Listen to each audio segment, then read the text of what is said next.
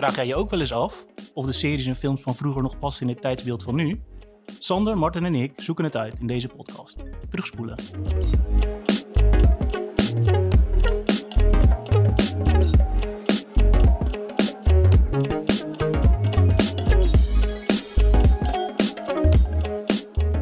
En we zijn begonnen. Welkom Sander, in mijn Welkom, huis. Martin. Ja, in- Hoe is het in met jouw je? Huis. Het eh, gaat uh, uitstekend bij mij. Ik ben Ja? helemaal moe. Je bent moe? Ja. Oké, dat wordt leuk dus tijdens deze uitzending. Nee hoor, want ik heb energie voor 20.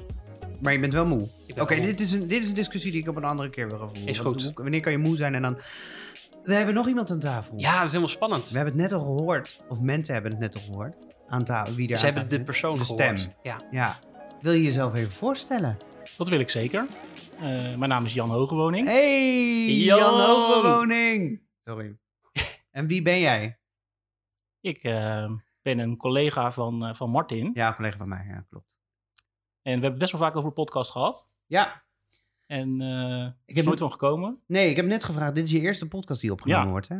Ja, dat is wel spannend. Ben ik even benieuwd, Jan, om gewoon eh, meteen eh, van wal te steken. Wat is de reden dat je eh, er nooit aan begonnen bent? Is dat, is dat praktisch of is dat, eh, durf je niet? Of... nou ja, kan natuurlijk ook. Niet. Wat heeft dat gemaakt? Ja. Ehm, ja, we hebben, ik was best wel enthousiast over podcasts. Ik luisterde ook al heel lang podcasts. Maar ik had ook wel een beetje zoiets van, er zijn al zoveel podcasts. En moeten we dan alsnog eh, beginnen?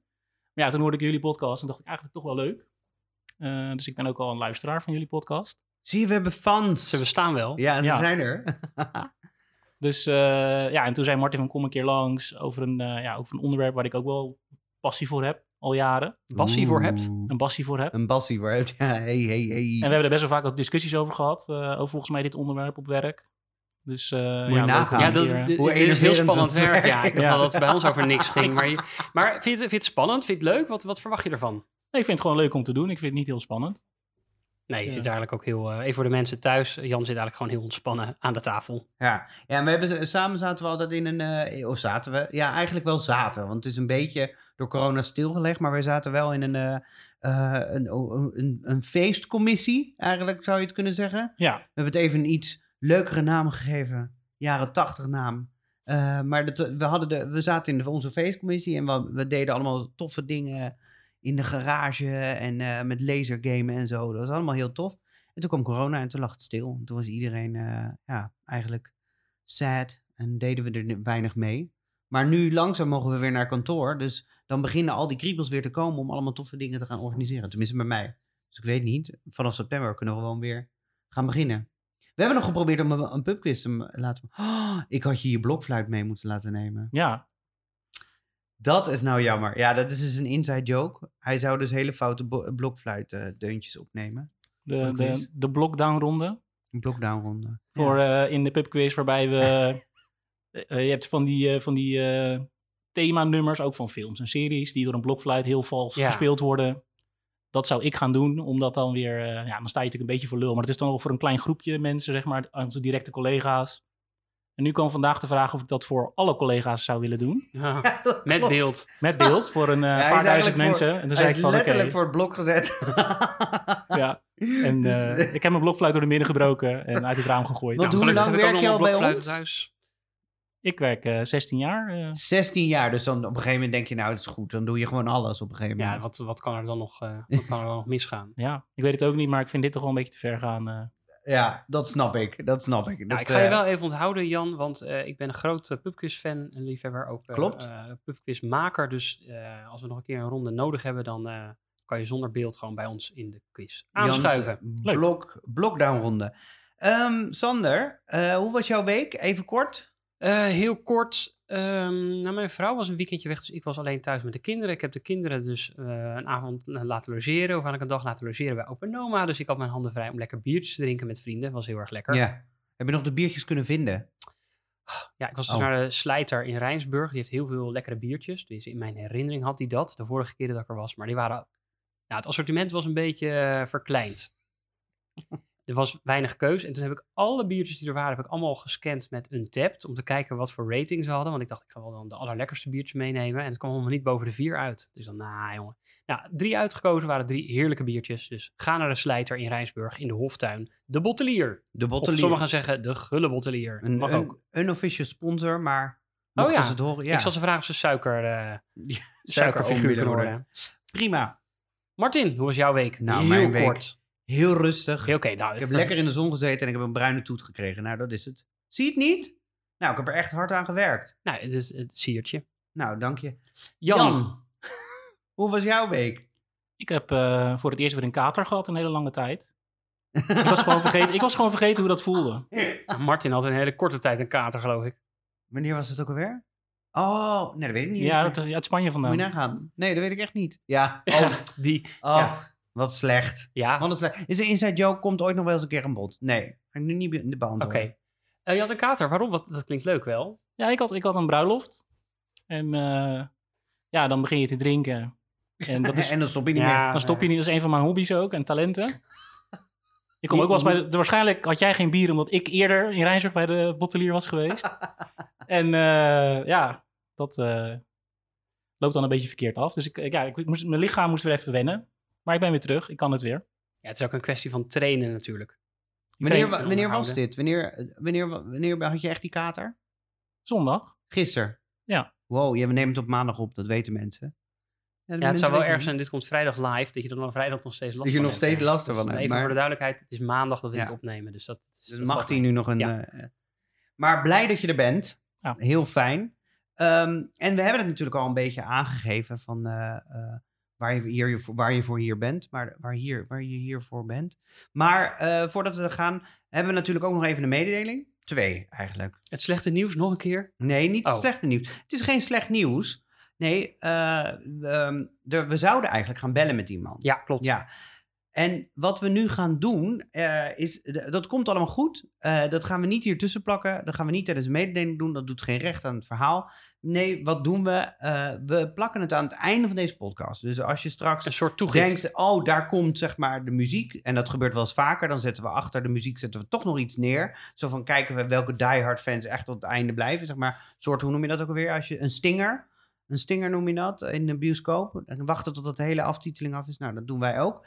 Ehm, dat zullen we nu ook met, het, eh, met onze gast gaan doen. Dus, ehm, Maar dan is het geen goed. verrassing meer, dus jullie weten het nu Nee, ik alvast. wil het nu ook wel aangeven, want anders Ja, dan, dan, haken luistert mensen niemand. Ja.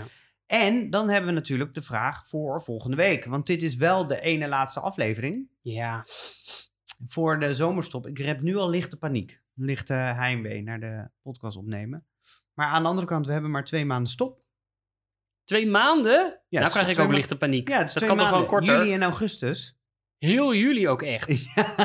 ja, dus we gaan heel juli gaan we stoppen en heel augustus gaan Ja, we stoppen. ja. En dan komen we in september, zijn we Oh, sowieso weer ik terug. mis het nu al. En ehm, nou, we hebben hele leuke ideeën.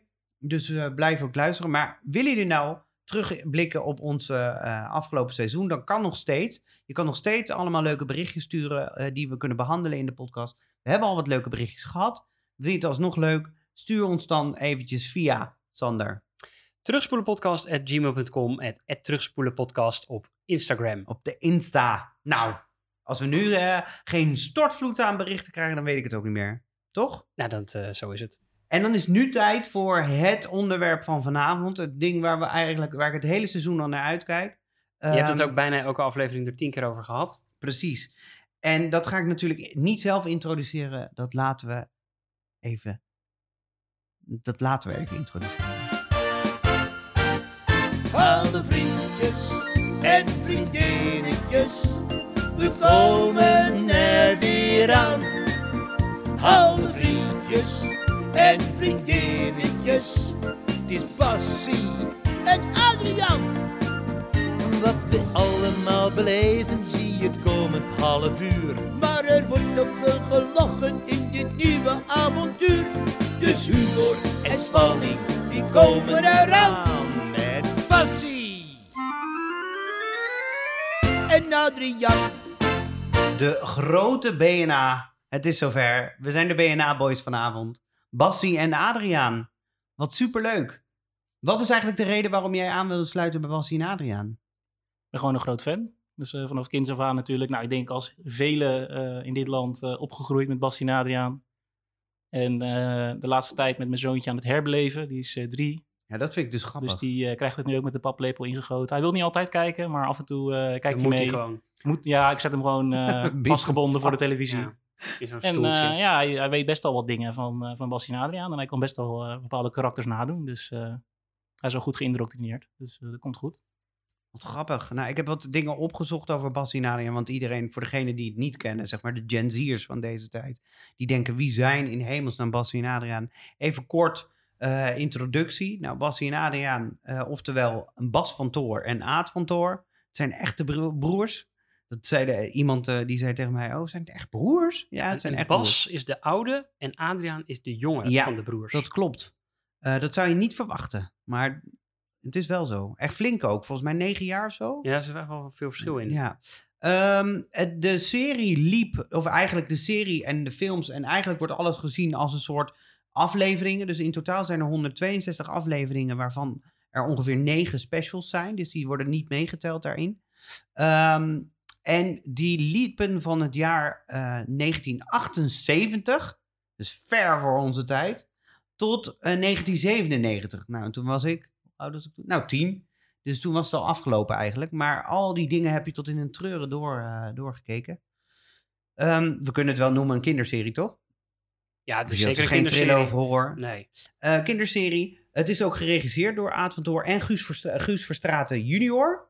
En die kennen we, dat is volgens mij, was dat, want die is overleden geloof ik, de man van eh, Simone Kleinsma. Oh, Nou, ehm, of ik zeg nu iets heel verkeerd, maar dat zou zomaar kunnen. dat is zo gebeurt wel vaker. Even kijken, de muziek is van eh Rinus van Galen, Ruud Box, eh, Mauricio Mantille, Aad, Kla- Aad Klas en Bert Smorrenburg. En die laatste, die deed eh, vooral de eindmontage. Dit zag ik dus online en toen dacht ik, huh, maar in mijn beleving had Aad van Toor alles zelf geschreven. Maar blijkbaar is dat dus niet zo. Ja, hij zegt zelf van wel in het boek. Precies, hij Hij schrijft schrijft wel. hij 200 pagina's in slecht Nederlands over hoe hij zelf al de liedjes schreef. Maar Ja. ja, Ja, kijk uit, want we gaan dit opsturen naar Aad van Toor. dus dat kijk uit goed. dat je geen lelijke dingen zegt. nou ja, Ik denk, ik ga het gewoon sturen. ja, het is hartstikke leuk.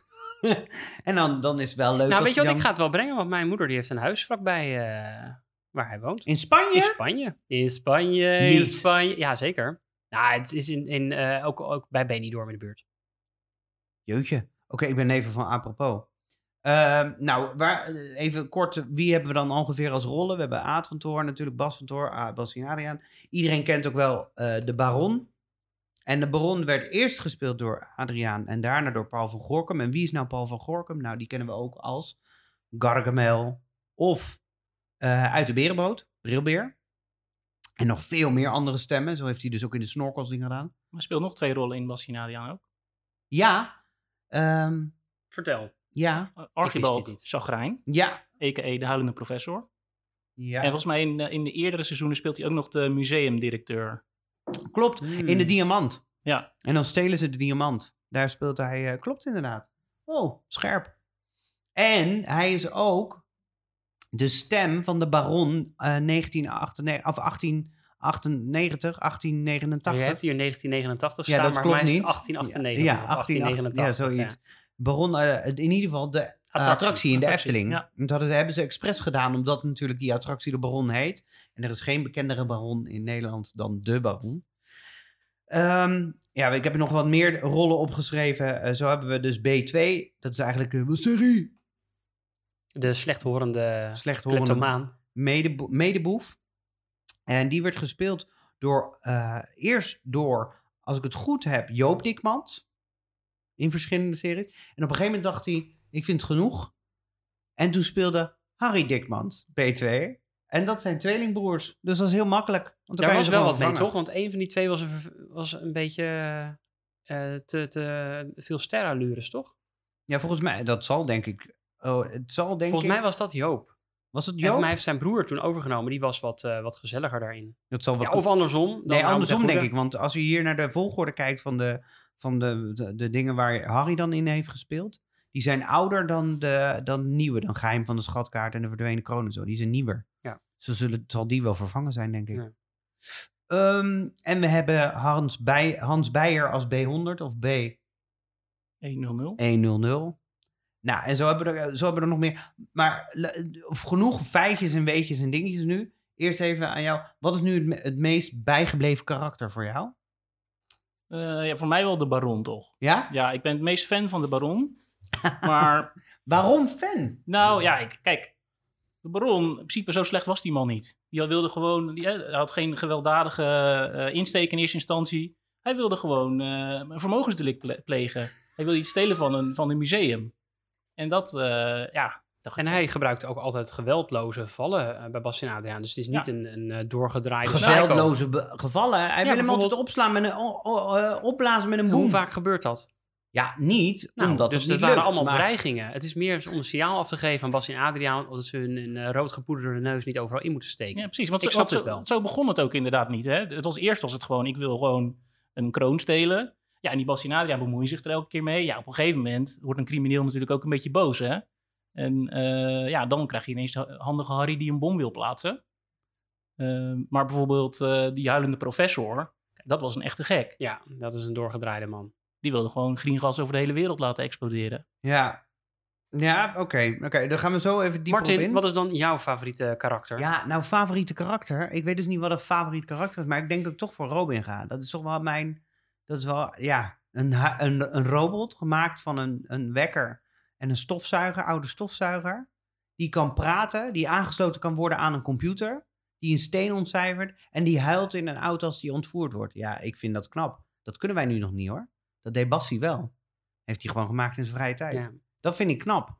En dat, dat denk ik, moet wel denken dat dat mijn favoriete, ja, favoriete karakter is. Ik vind het wel frappant, want ik hoorde je net een keer gaan tegen je Google Home. Dan mag je die echt wel wat weer eh, respect behandelen, weet je wel? Als je dan zo van Robin houdt.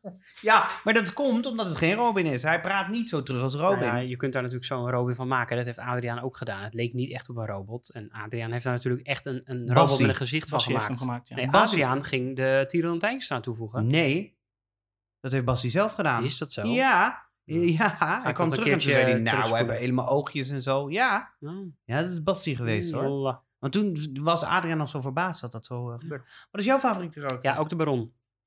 Ja, ik vind het wel mooi, zo'n aristocraat die... Nou ja, het is toch een, een chique man. Die, die van, Een goede, chique van man? goede komaf. Ja, en een net pak.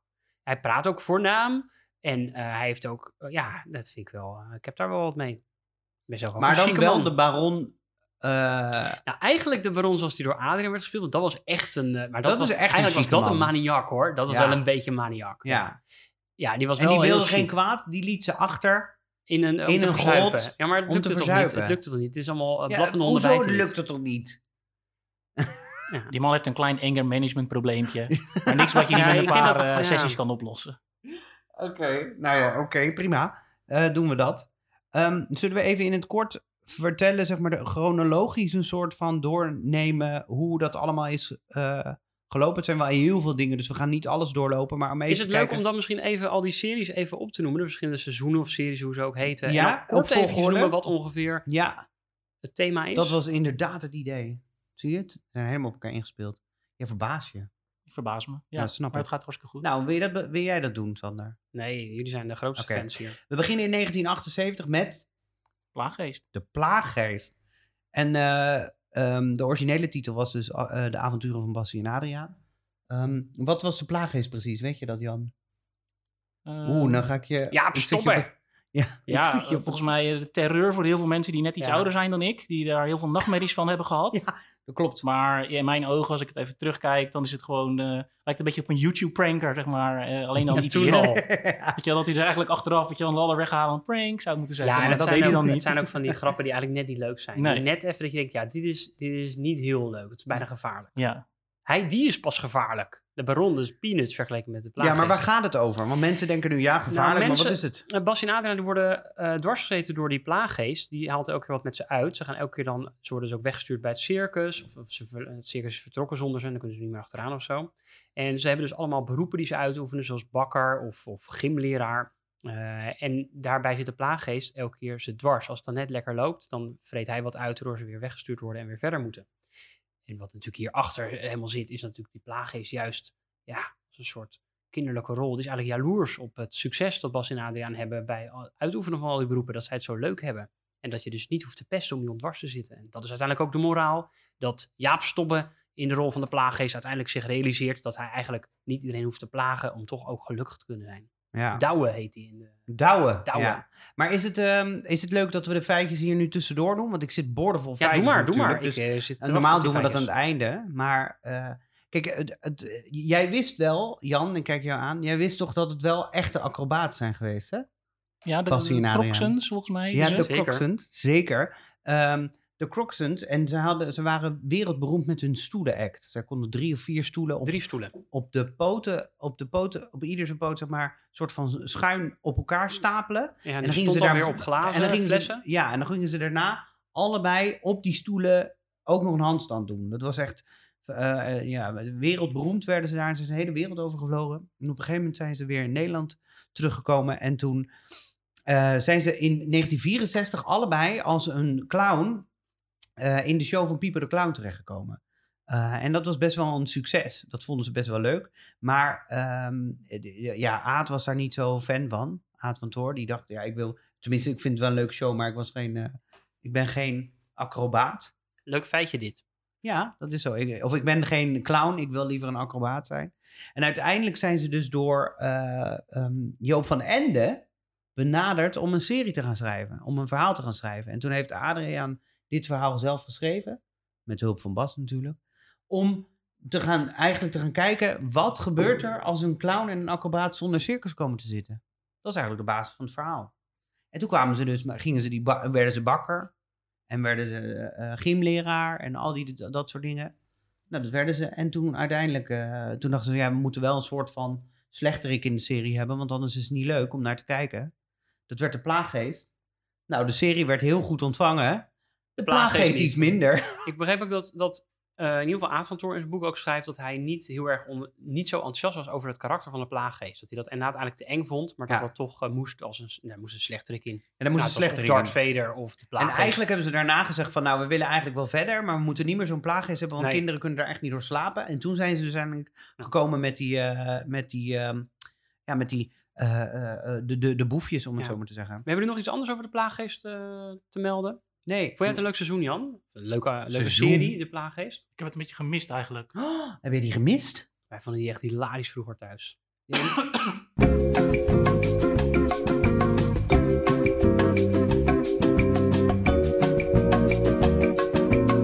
Oké, en we zijn weer terug naar je niet-salvo, want je hebt last van hooikoorts. Ja, ik, ken eh, het.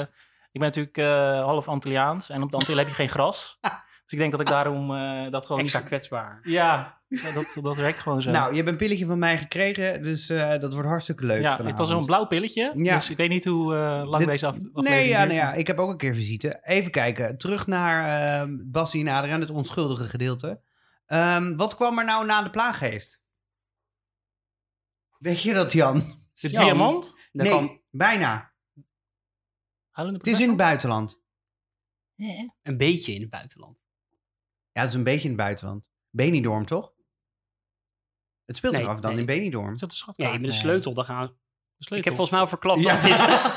De sleutel. Ah, de Het is het geheim van de sleutel. Ja, Ja, ze gaan naar vak- vakantie naar Benidorm. Even tot rust te komen. Ja.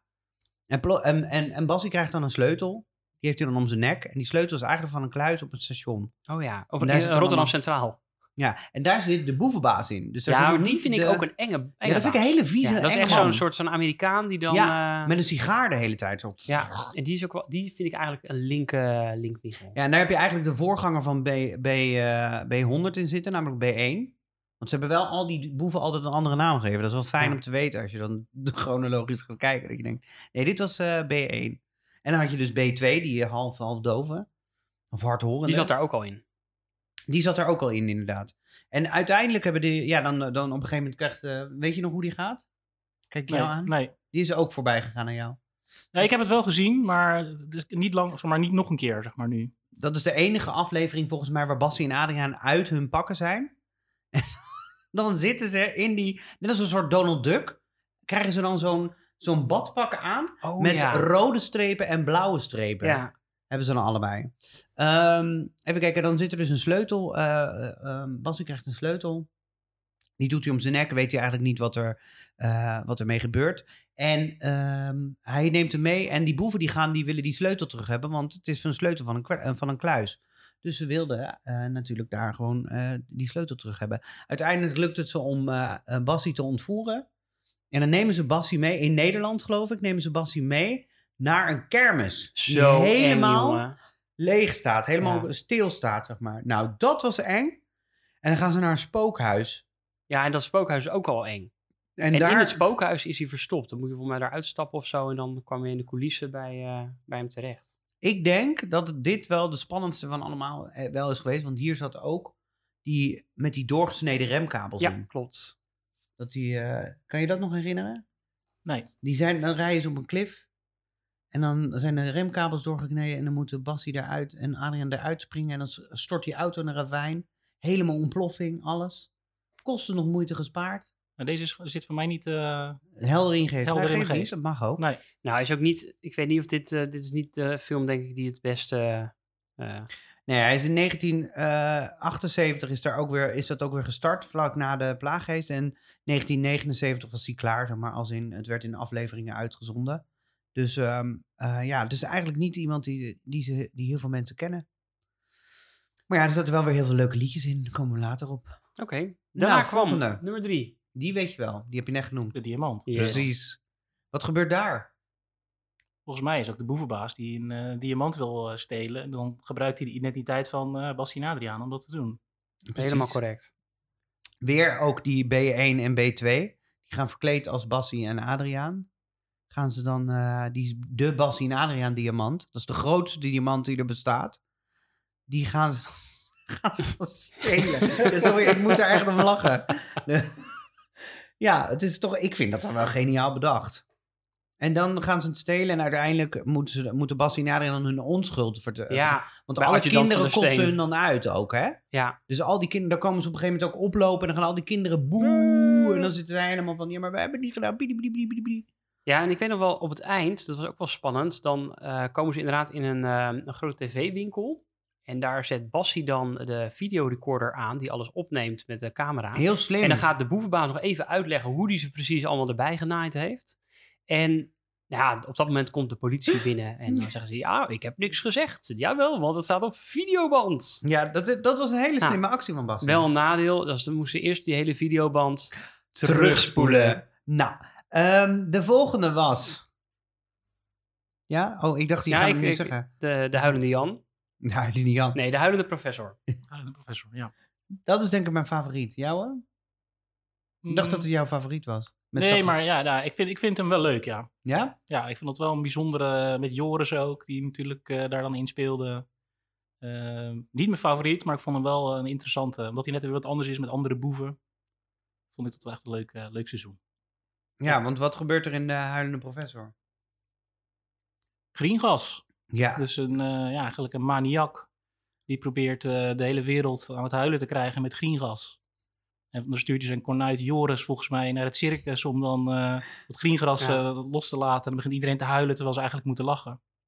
Behalve En- één iemand, die is resistent. Ja, wie zou dat zijn? Een soort, het is eigenlijk een soort ehm eh, Obelix-verhaal. Ja. Van, eh Bassie is ooit eens een soort van pan met, lachgas, of wat was het?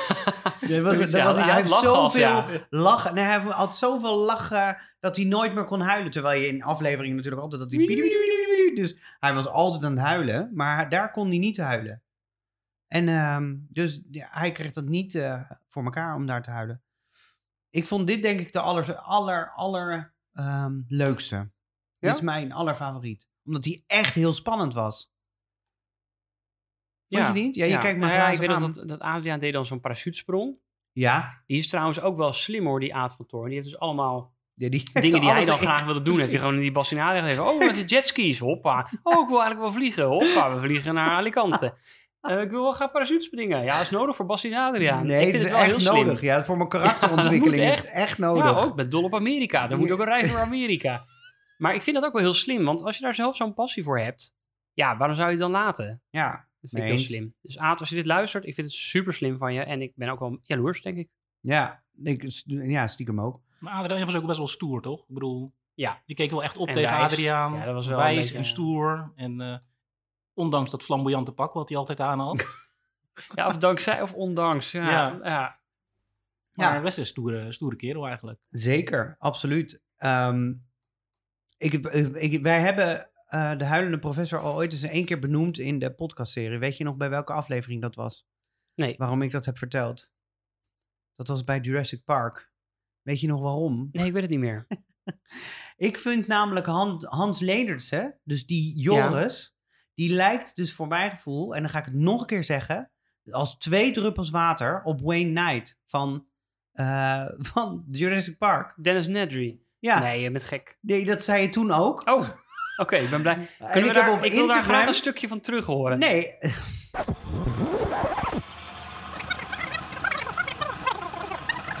Ik Dus moet bij deze man altijd denken, deze man, dit is, dit is dezelfde, ja nu komt hij hoor, dit is de referentie.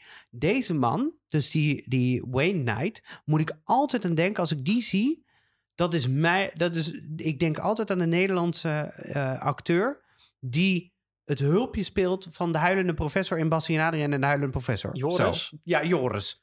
Die, die acteur, nou dus dru- twee druppels water. We zetten een, een foto in Ja, onze, op ik Insta denk dat dat niet Instagram. waar is.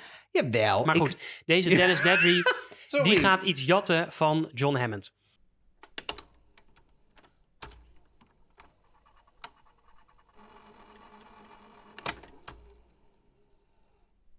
Oh, nou, Nou. hij ziet er heel anders uit in dan in mijn herinnering, ja. Nou, hij staat ook op onze Instagram.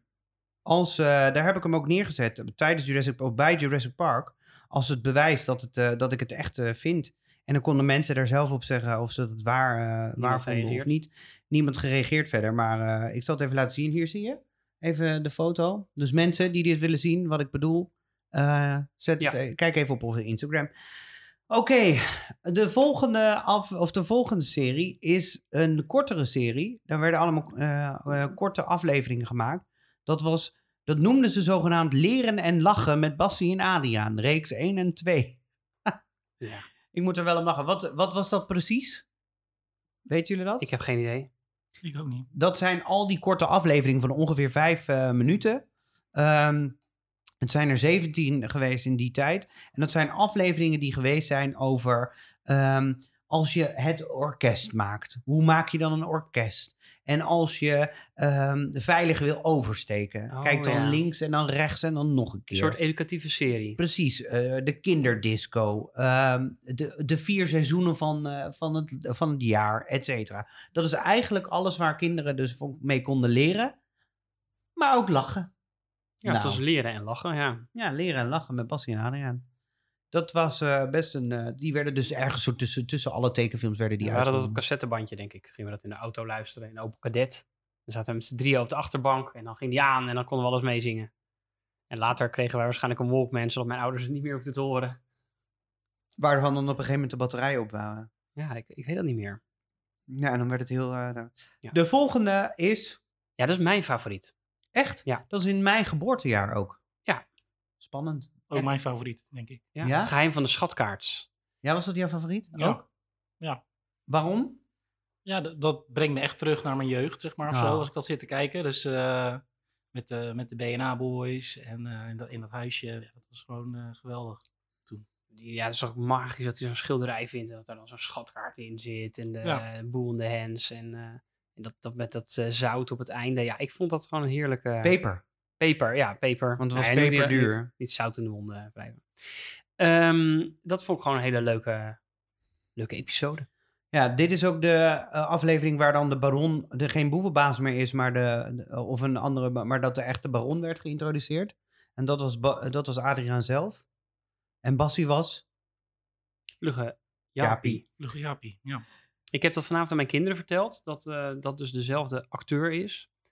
En eh, dat eh, vonden ze wonderlijk. Ik heb dus nooit geweten, voor, heel lang niet geweten, dat Adriaan ook de baron was. Ik ook niet. Maar ik wist wel Maar dat is toch Bassie maar- Vlugge Jaapie was. Ja. Dat zag je wel ongeveer. Ja, die, ja, maar toch is het natuurlijk wel, als je daar niet op bedacht bent, dan denk je gewoon dat twee verschillende personen zijn natuurlijk. Als je als jong kind.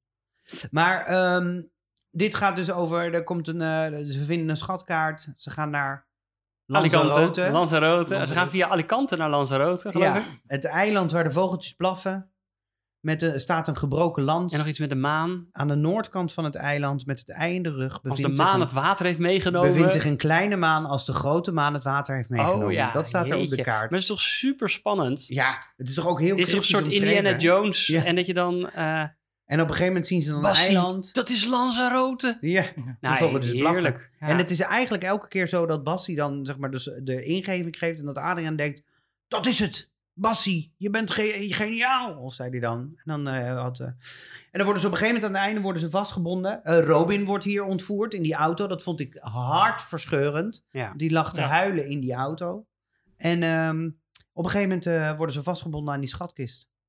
Dan denken de, de, de boeven namelijk dat de schatkist maar gewoon vol met peper zit. Dus, on, eh, dus niet, eh, eh, dat het niet eh, Enige waarde heeft. eigen waarde heeft. Terwijl Adriaan uitlegt, ja, vroeger was peper duur. Vandaar komt peper duur. Dus maar uiteindelijk komen zij toch eh, het best vanaf, hè, Bas en Adriaan. Want zij keepen gewoon de peperkist om. En dan blijft die drijven.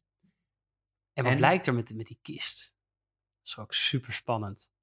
Zo maken ze films nu niet meer. Hoor. Nee, dan schrapen ze heel langzaam zo de verf van het omleiding van de kist. staalwerk, ja. van het staalwerk blijkt het af. En dan blijkt het puur goud te zijn. puur goud. Puur goud wat eraan. En daarom drijft het denk ik ook. en uiteindelijk... eh, ga- Maar dat ze van- kwamen er pas in Nederland achter dat het echt goud was. Hè? dus op zich ja. misschien Ja, dat, en- dat het toen wel door die verf nog dreef of zo. Ja, precies. Dat is het waarschijnlijk. Ehm, en hier worden de boeven ook weer gepakt natuurlijk. Ja, zullen we alvast even een disclaimer doen dat het bij alle afleveringen zo is dat de boef uiteindelijk... eh Nou, anders kunnen mensen misschien anders niet moeten meer we het elke keer herhalen ook. Welke is de volgende? Ja, ik Nee, denk ja, wel hierna mijn favoriet. De kroon. Oh, het, hierna de favoriet. Ik wil niet Ja, zeggen, je mijn kan tweede, niet mijn elke tweede favoriet. Nee, nee, ik, noemen. nee, ik heb, ik heb eh, die, die schatkaart is mijn favoriet en de verdwenen kroon op De twee. tweede kroon. En ja. de verzonken stad ook. Ja, die komt er dus weer na. Nou, Ja. top. De verdwenen kroon. Ja, ik moet wel zeggen, hierna worden ze voor mij wat minder. Ja. Ik vond die eerste, die zijn echt rete spannend. En hier, wordt- hierna wordt het een beetje zeemold, zeemold. Ja. Dan wordt er een kroon gestolen en dan moeten ze de kroon Ja, want- terughalen. Eh, de baron wil een kroon, want hij is ja, toch wel de koning der dieven. en je Ja. gunt hem toch ook die, die Tuurlijk. kroon. Als je dan ook gaat kijken naar het verhaal van, dat, eh, van, van alles, dan wordt het ook steeds, de synopsis wordt steeds Ja, het korter. wordt steeds die- simpeler. En het is elke keer een beetje hetzelfde verhaal. Precies. Ik weet wel dat in de verdwenen kroon, dan zijn ze in een museum waar ook die kroon tentoongesteld staat. En dan staat er dus een beeldje van de Crocsons. Oh, En dan zegt Adriaan van, oh moet je kijken, dat zijn hele goede artiesten. Dat zijn de Crocsons. Oh ja, met hun act. Dus dan zie je ze op die drie stoelen. Ja, ik heb, dat, ik heb dat natuurlijk nooit begrepen Nee. vroeger. Van waarom zou, wat is dit voor stom beeldje? Waar gaat dit over? Klopt. Nou, dat vind ik dan wel heel grappig. dat vind ik eh, dan ook wel een ja. leuke gimmick. En zij hebben trouwens ook die, eh, die stoelen-act natuurlijk op het, eh, de bodem van het zwembad van Adriaan. Heeft hij ook die stoelen, hè? Drie van die stoelen in, uh, ingemozaïkt. Oh, is dat zo? Ja. Oh, dat wist ik helemaal niet. Nou, Nou, ja, hij is er natuurlijk ook super trots op. en ja, terecht. Terecht. Is een van de beste acts, eh, denk ik, ever. Nou, dat denk ik ook wel. Ehm, Eh, oh, en wat leuk daaraan is, is dat eh, voor jou, Martin, maar ook voor deze regio, is natuurlijk dat in de verdwenen kroon, dan verschuilen de boeven zich bij de ruïne van Teilingen. klopt. Dat is mijn ruïne. Ja, waar jouw familie Van eh, mijn met voorouders. Jacoba en iedereen We hebben dus ooit een keer uitgezocht, die stamboom. En ik, ik weet dus niet, maar we hebben het ooit eens uitgezocht. Maar we zijn dus ergens ver familie van. Ja, dat zal gerust. Ja, Dus, dat zou zomaar ehm, kunnen. Ja, waarschijnlijk, leuk. ja, waarschijnlijk een van de horigen die daar in het graafdom eh, van Teilingen, mocht jij daar op de, op de landerijen, mocht jouw voorouder daar eh, wortels rapen van de grond. Ja, nou, eh, toch fijn dat er een slot of een ruïne Ja, daarmee Maar is zou de baron daar ook gezeten hebben omdat hij ook familie is of zo? Is dat een aftakking? Oh, ben nee, jij hij is misschien van familie Nijmegen. Hij is toch van Nijmegen? Ja, Martin? Dus, ja, maar is misschien was een van zijn, is hij een van de nazaten van de... Ja, dus misschien is Martin wel Ja, een van de familieleden de van de baron. baron. Ik heb soms wel eens trekjes dat ik denk... Nou, niet soms, hoor. Drommels! Eh, Oké, gauw verder. Loopt ook goed af. Mijn kinderen vonden deze, die hebben deze ehm, recentelijk gezien. En die vond, mijn dochter vond dit heel spannend. Wat ik op zich ook wel snap, want ze worden ook gevangen genomen in zo'n fort van de waterlinie ergens. En dat, dat onder de grond, onder die ruïne van Teilingen, dat is trouwens niet echt hoor in mensen. Eh, mijn zoon vond dat ook wel spannend. En dat ze dan naar die verschillende telefoonhuisjes moesten rijden, vond hij spannend. Oh ja, dat weet ik niet eens meer. Dat, was, en dat, dat deed de baron dan zelf, toch? Om de locatie niet te Ja, want zij konden dan bij de trein, eh, trokken ze dan zo'n zo'n lijn eruit en dan konden ze gewoon bellen vanaf daar. Ook magisch. Ik dacht, waarom doet niet iedereen dit? Maar hier, dit is volgens mij wel degene waar de minste afleveringen van zijn... en ook de minste liedjes in zitten. Dat er zitten maar twee kunnen. liedjes in in totaal. Nou, gaat lekker snel door. Eh, de verzonken stad. Ja, dat is, ik weet wel waarom meer dat, dat jouw derde, derde favoriet is. En Jan heeft net al gezegd, ja, dat heeft wel een link met eh, een andere eh, eh, fandom van hem. Ja, Samson Red natuurlijk. Ja. met. Danny. met Danny. Danny, Danny. Danny Verbiest. Ja, Dat is de Samson. Samson. Ja, maar ook die Fox, zeg maar. Dat was toen de tijd natuurlijk helemaal hypermodern, zeg Ja, maar. Danny had dan wel een fax in ja, huis. dat was echt wel een in soort van, huis er dingen, gewoon. dingen doorsturen via... Ja. het, Hè? eh, nou ja, dat was natuurlijk helemaal eh, Als je dat geweldig. nu kijkt, jongen, dan is ook slechte kwaliteit beeld alles. En Ja. dan ook die, die fax, dat is ook die je denkt, nou, het is knap dat ontcijferd is wat er überhaupt te zien was op die plaat. Maar eh, even voor de duidelijkheid, wat is het? Ze gaan naar Griekenland op vakantie. ze, Ik denk zelfs naar Kreta, of niet? Ja, Ja, volgens mij wel, ja. klopt. En Adriaan gaat Want daar wilde eh, Adriaan waarschijnlijk graag heen. Ja. Bassie volgens mij vindt eh, tijdens het duiken Ja. vindt hij een Ging steen. snorkelen of zo. Ja, gingen Ja. ze snorkelen. En daar staan allemaal tekens op. En dan eh, op een gegeven moment denken ze, nou weet je, eh, we geven het wel aan Robin, want die kan dat ontcijferen. Want die heeft Nou, ik vond dat denkkracht. spannend, omdat ik dan dacht, ja, misschien vinden ze echt Atlantis of zo. Nou, eh viel tegen. Is dit ook niet het seizoen waarin ze van die opblaasdingen om hun voeten doen Ja. en over het water gaan lopen? Want dat Ja, is gewoon een van de meest... weer afgezet van zo'n eilandje. Ja, En dan inderdaad een soort opblaaskanootjes. Dat Maar dan ter echt, grootte van eh, schoenen en daarmee en stokken, geloof ik. En dan... Is dat deze? Nee, Ja, dat is toch in de, de reis in Amerika? Nee, nee, nee, nee, nee. Dit is een van die oudere. En dit, dat, dat was een van, voor mij een van de meest fascinerende dingen als kind. Dat ik Ja. zat te kijken van, oh, hij kan gewoon over het water heen lopen, zeg maar. En dat ze dat toevallig daar vonden ook, op die zandbank waar ze... Ja, heel, eh, heel toevallig was Nee, dat. hier zit ook dat er de baron en B2 Vluggiapi uit de gevangenis ontsnappen en komen naar Griekenland. En die zien dan op een gegeven moment uh, en die denken die zijn niet op het spoor, dat ze, dus dat willen wij ook.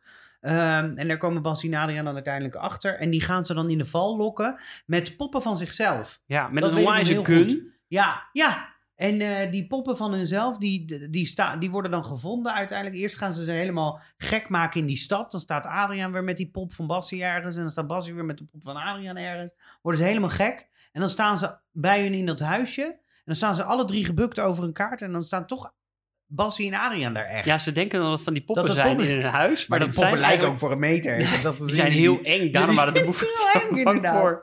Maar dus als kind zijn, dan denk je echt, wow, dit is echt eh, freaky. Ehm, uiteindelijk worden de tekens op de steen ontra- ontrafeld. Je hoeft geen wijze man te zijn of macht te hebben. Je hoeft niet de kracht te bezitten die Tira verwoestte, of zo groot te zijn als de kolos van Rodos.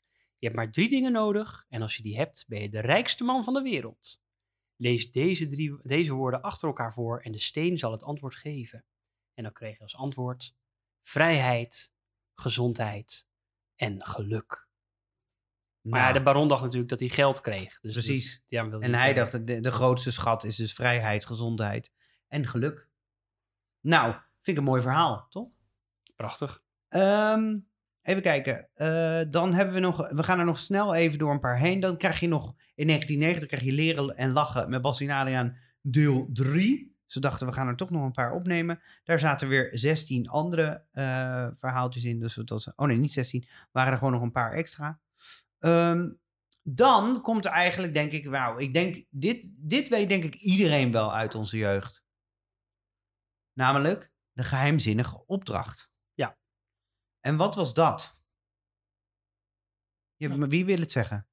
Zeg jij het maar, Sander. Ja. Nou, het eh, was een geheimzinnige opdracht gekregen. Nou. Pas in. Je verwacht het En niet, hè? Ze kregen puzzelstukjes. En die puzzel die was op bijna geen enkele manier eigenlijk op te lossen. Als ze elke keer zo'n opdracht hadden gedaan door heel Europa heen, kregen ze een puzzelstuk. Maar ze hadden geen flauw idee, zelfs Adriaan niet, wat de puzzelstukjes dan waren. Maar zo kwamen we in allemaal, ja, lijkt wel willekeurig gekozen landen terecht. Die later waarschijnlijk de Europese Unie of zo volgden, Oh. en vormden. En dat was, nee, de EEG was het. Ja, De twaalf landen van de Ja. EEG.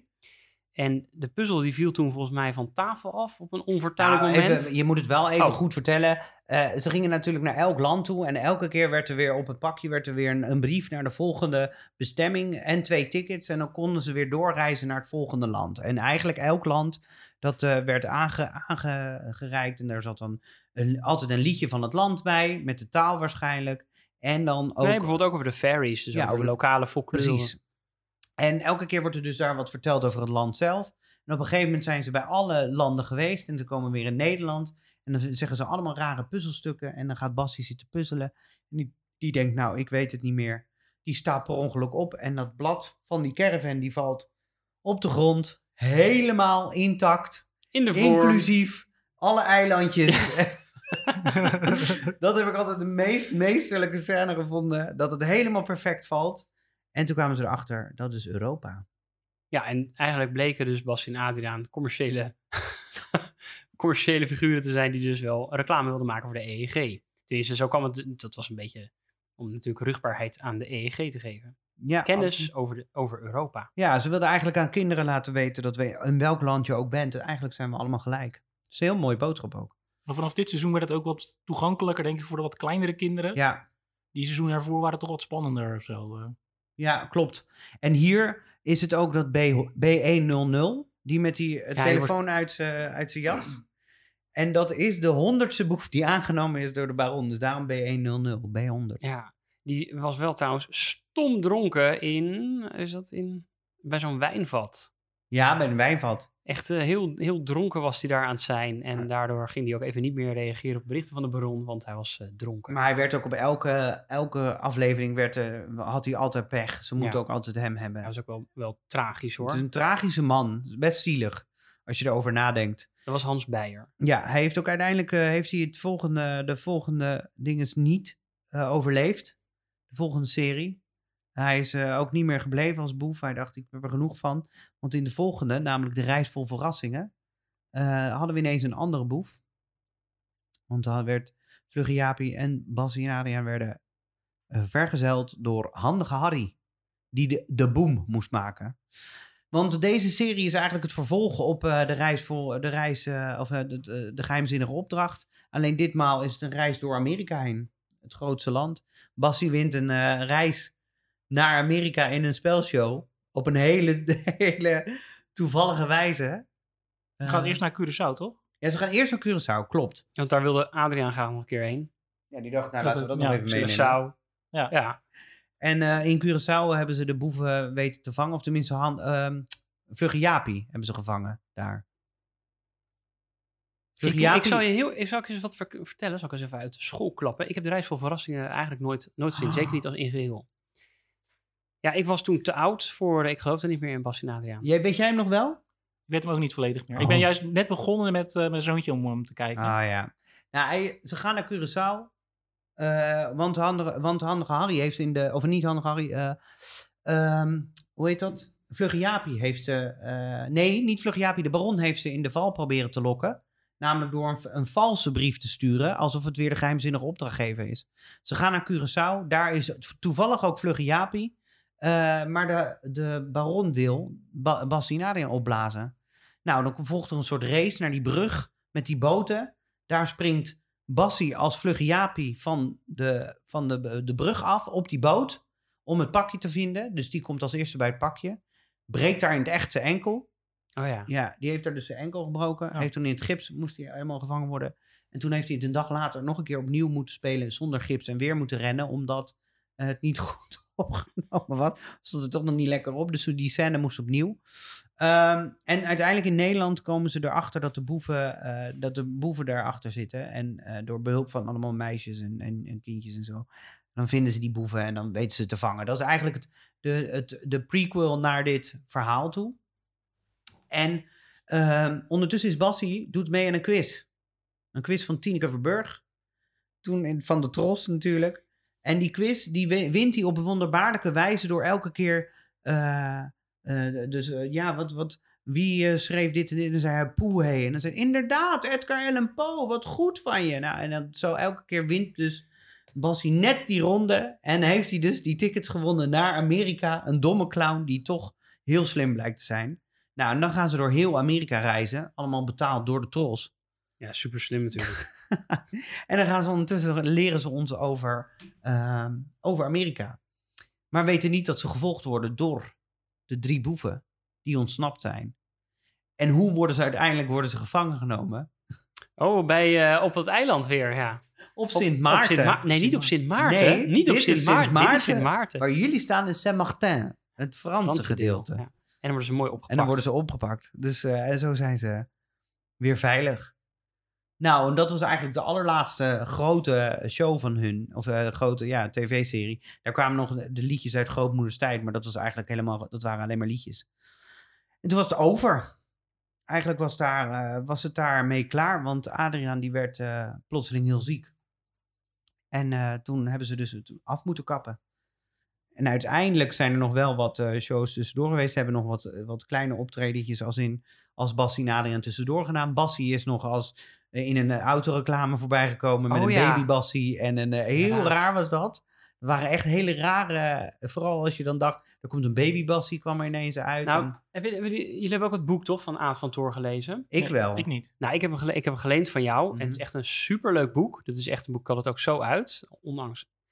Eh, het, het is namelijk gewoon heel erg vanuit Aad van Toor verteld van hoe dat allemaal gegaan is. En hij, vertelt daar gewoon in dat ze, hij gewoon heel hard moest werken om het hele Bas en Adriaan op te bouwen. En dat hij daar echt niet stinkend rijk van is geworden. Nee. Want hij deed al die investeringen zelf en al dat gelazer met de tros of hij het dan wel of niet wilde uitvoeren. En dan moest hij het wel even helemaal zelf voorschieten.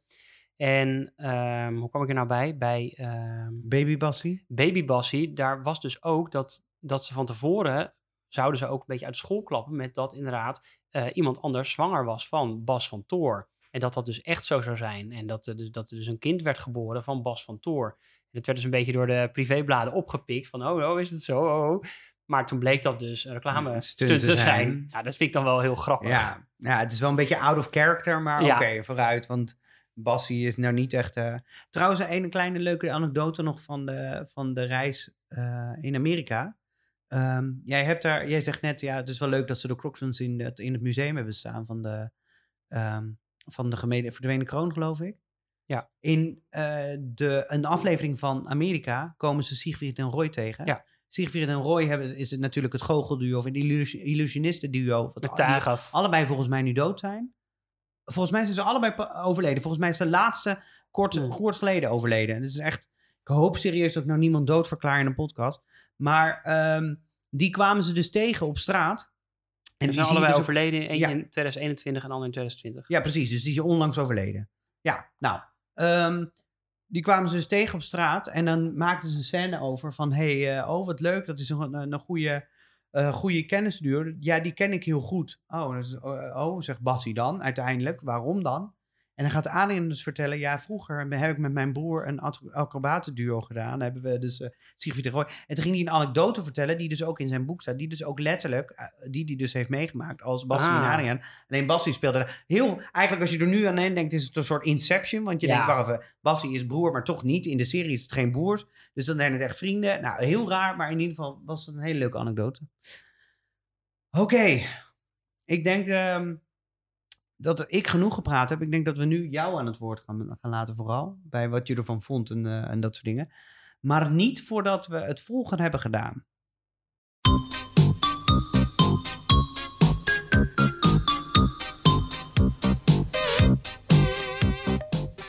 Vind je dit een leuke podcast? Geef deze dan wat sterretjes of een mooie review in de podcast-app die dit toelaat. Dan kunnen meer mensen deze podcast makkelijk vinden. En daarnaast natuurlijk de vraag: heb je zelf nog een film of een serie die Sander en Martin echt een keer moeten terugspoelen? Geef het dan door op Terugspoelen Podcast via Instagram of terugspoelenpodcast.gmail.com.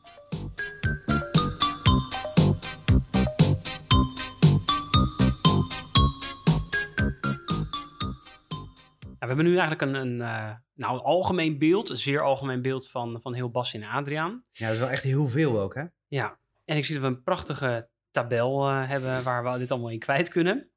Ehm, ja, wat is onze algemene indruk eigenlijk van deze ja, Serie. cyclus van series? Cyclus, inderdaad. Ja, bijna. Jan, wat, hoe, vind jij dit nou eigenlijk, het hele Bas en Adriaan gebeuren? Ik vind het geweldig. Maar ja, dat is dus denk ik ook omdat eh, je opgegroeid bent met de serie, zeg maar. Ik vraag me af of de volgende generaties of de huidige generatie dat ook hebben. Maar eh, ja, voor mij persoonlijk, eh, ja, gewoon een geweldige serie. eh, heeft van alles, dus eh, humor en spanning, zoals ze zelf zeggen. Prachtige liederen. Klopt. Ja, die komen eraan. Ja, Ja. humor en spanning komen Ja. eraan. En, en ja, ze leveren gewoon. Het zijn gewoon een soort van Nederlandse superhelden. Ze leven er gewoon. Ja, ze Nou, leveren wel, gewoon. ja, Het is, ja. eh, het is zeg maar, van serie naar serie, boeven, dubbelrollen, anekdotes, grappige eh, zinnen die nog steeds, zeg maar, die gewoon in de Ne- eigenlijk bijna onderdeel zijn van de Nederlandse taal, zeg maar. Eh, ja, dus eh geweldige serie. Ja. Wat vind jij er dan van, Sander? Ik vond Bas en Adriaan vroeger echt heel leuk. Ik vind wel, ehm, maar dat, dat het een beetje gedateerd is eh, aan zich. Maar ik denk dat wij inderdaad zulke mooie herinneringen aan Bas en Adriaan hebben, dat, dat, dat we daar helemaal blind voor zijn.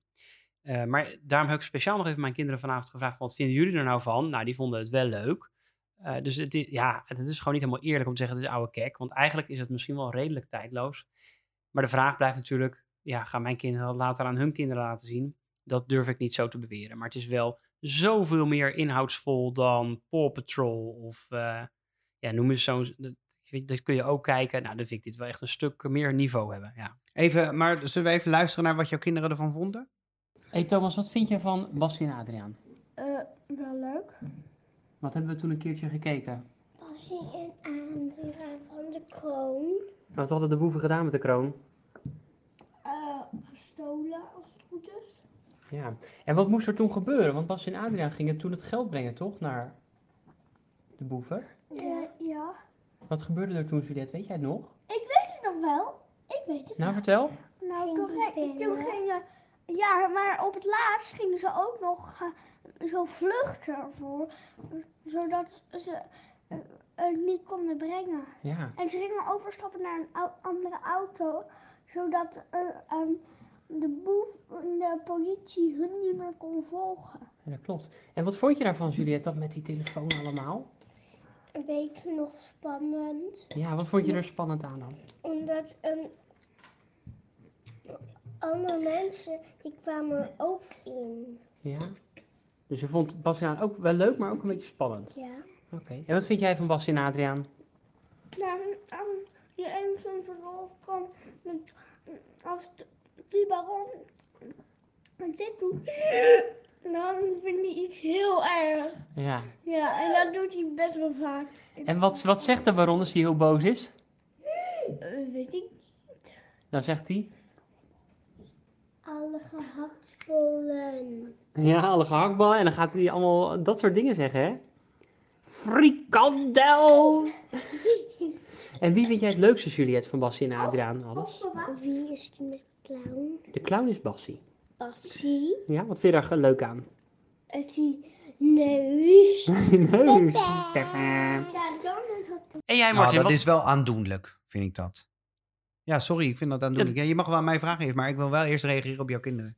Ja. Ah, nou, vind ik gewoon aandoenlijk. Nou, vind ik ook wel. Dus, En jij, Martin, wat is jouw indruk van... ja, nou, eh, dit, dit is natuurlijk zo'n ding, want jij, Jan, jij kwam hier ook al binnen en je zei, ja, maar jij bent echt een grote fan. Ik ben gewoon eh, casual fan.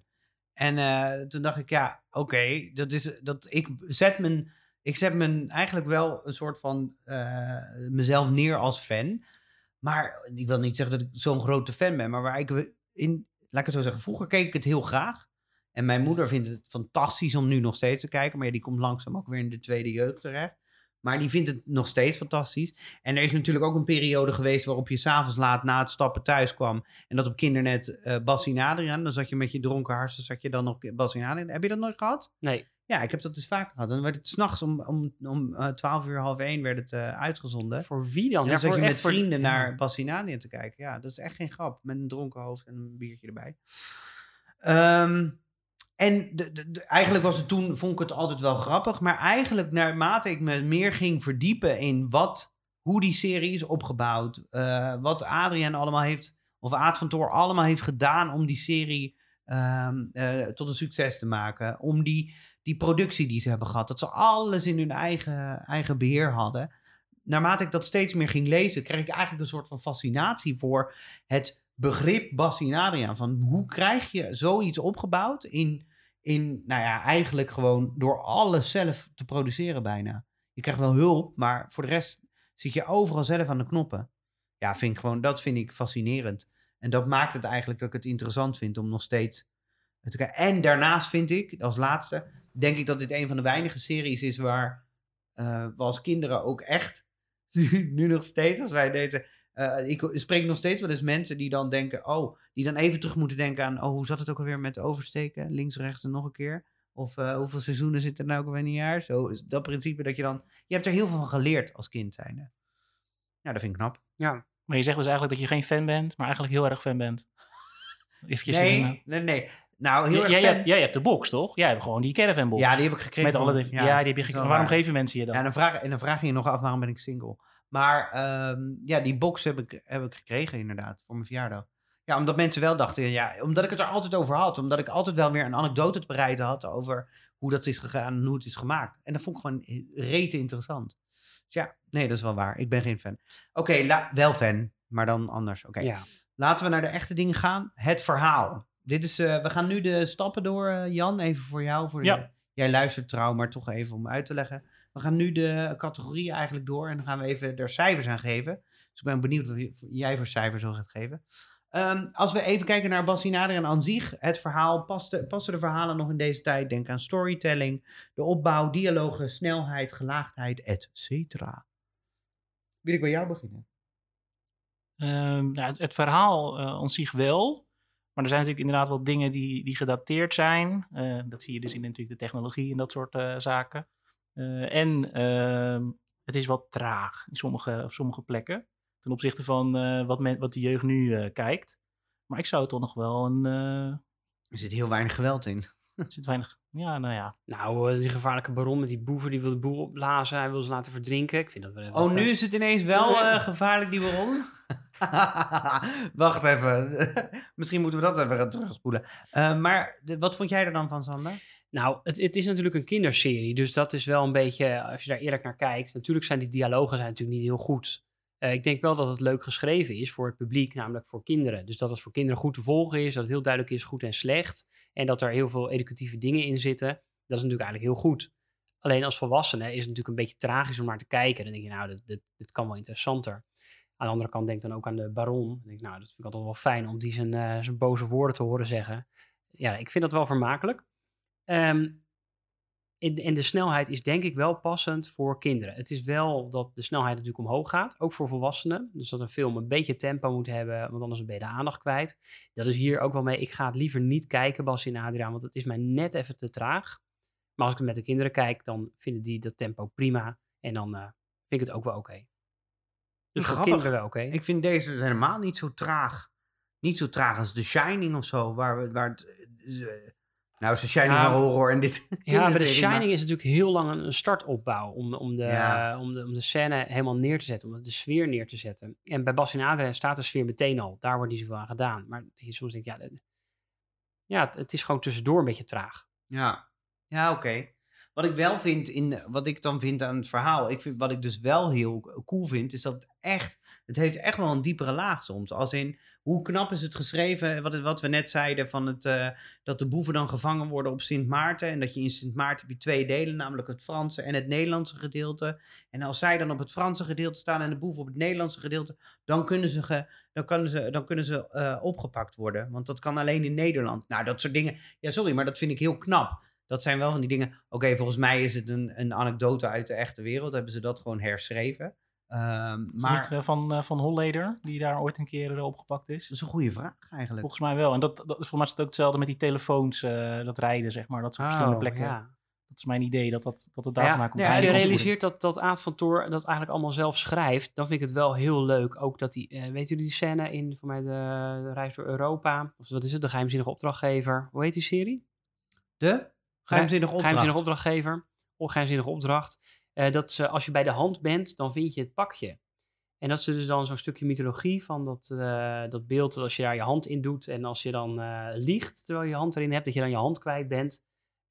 Ja, dat, dat, dat wordt dus al, nou dat zou jou aanspreken, dat, dat wordt al eerder in die aflevering, wordt dat dan, zijn ze daar al en doet hij daar zijn hand in, dan is die die hand te kwijt zogenaamd en zo. En dan blijkt later dus dat daar dat pakje ligt. Maar Ja. dat doen ze dus niet meteen al. Het is niet meteen van nou ik doe mijn hand hier in en klaar. Later valt het kwartje pas. Dus ik vind het ook wel heel leuk bedacht om er Aad van te horen. Het, het, is, het is een kinderserie, maar het is allemaal heel aandoenlijk eh leukig. Het zijn allemaal leuke anekdotes, leuke dingetjes die je bijblijven. Nou ja, als je kijkt naar hoe ze de, al, die oudere series, dat die eigenlijk best wel, die waren heel spannend. Ja. Je had de oudere series, die waren echt wel, echt wel spannend. Oké, ik vond die verdwenen kroon werd al lastiger als in, vond ja, dat was gewoon minder, dat was allemaal ook in Nederland. Het was allemaal, ja, het was allemaal weer hetzelfde. Maar eh, die eerste stukken, dat Adriaan dan dat die gingas ingespoten krijgt en dat hij dan zegt, oh, sst, moet je, ik neem dat huilen wel even op en dan kan ik zo in die caravan lopen en dan kan ik hem Joris pakken. even bij zijn Ja, dat soort dingen zijn best wel knap. Of dat die, dat die, dat groene mannetje bij de huilende professor dan ineens hun gaat helpen. Want oh, ik ben in de war. Ik snap nu waarom ik die. Wayne Knight vergelijking niet snapte. Eh, Joris is echt de directe assistent van, Ja. van de huilende professor. Hoe heet die, Zagarijn? Zagarijn, maar je hebt er nog eentje, en dat is die, Ja. die Belg of Ja. zo, die die undercover is. Ja, Ik dacht dat dat eh, Joris was. nee, nee, nee. Die heeft ook zo'n groen gezicht. Want Ja. die zijn allemaal, die hebben weer wat anders ja, eh. Oké, ik, snap, ik snap dan nu de vergelijking met Wayne Knight iets beter. Ja. Dankjewel. Ja, en dat die dan ook, dat die, doordat die, Hans Otjes werd die gespeeld, werd het gespeeld, maar doordat die verkouden werd, kon die dus niet meer, kreeg hij dat gas niet meer en daardoor kon die dus makkelijker, of werd hij uit de hypnose gehaald van die, Ja. nou, nou, dat soort dingen. Of met, of met die goudkist, met die kist, dat daar peper in zit en dat het dus peperduur was, maar dat die omleiding dan goud is. En hoe ze ze dan op gaan pakken. Door in de krant te gaan zeggen van dingen en dat ze met zo'n afluisterapparaat het opnemen, de, de politie erbij staan. Ja, dat zijn dingen. Ik vind dat echt wel knap hoor. Dat is echt niet platte, geen platte verhalen. Toch? Nee, er zit wel wat, eh, wat, wat leuks in, inderdaad. Ja. Wat leuks. Nou, Nee, ik ben er hier positief over. Oké, ehm, nou Jan, jouw cijfer.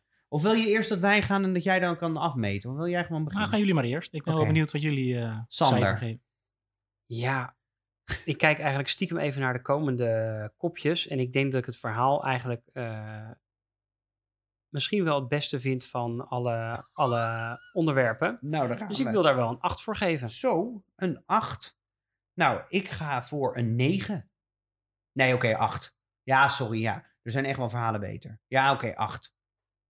Ja, een voor 8 is een prachtig cijfer. Zeker. Ik ga met jullie mee. Een 8? Ja, ik ben het wel eens. Nou. Dan komen we uiteindelijk tot een 8. prachtig. 8 gemiddeld. Een ja. 8 gemiddeld, wat fijn.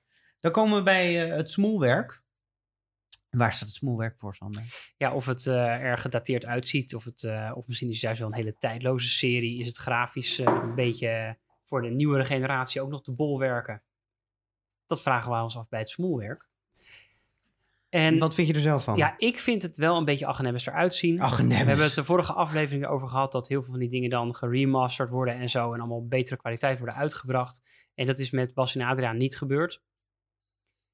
Eh, de- vraag blijft natuurlijk van, is dat erg? Is het erg dat ze met van die oude apparatuur werken? Nee. Dat, hoe ze die boeven erbij inluizen, of dat nou met nieuwe mo- moderne telefoons is of met oude telefoons. Nee, ik denk dat dat eigenlijk helemaal niet zo uitmaakt. Dus wat dat betreft zou je kunnen zeggen dat dat redelijk tijdloos is. Ik kan me voorstellen dat hele jonge kinderen wel denken, wat is dit voor apparaat? Ja. Dus dat het voor hun nog een soort van, ik snap dit niet, waarom, waarom doen ze dat op die manier? Ehm, maar als je dan inderdaad kijkt naar die nieuwere seizoenen, zeg maar, dan is het nog wel te kijken. Maar die hele oude inderdaad, ja, je kunt het wel kijken. Maar inderdaad, het zou mooi zijn als het eh geremasterd zou Maar dan ben ik eigenlijk wel benieuwd. Als je, eh, is jouw zoon, houdt hij van treinen en auto's en zo? Ja, Want hoe doet, zeker. hij, hoe doet hij een trein na?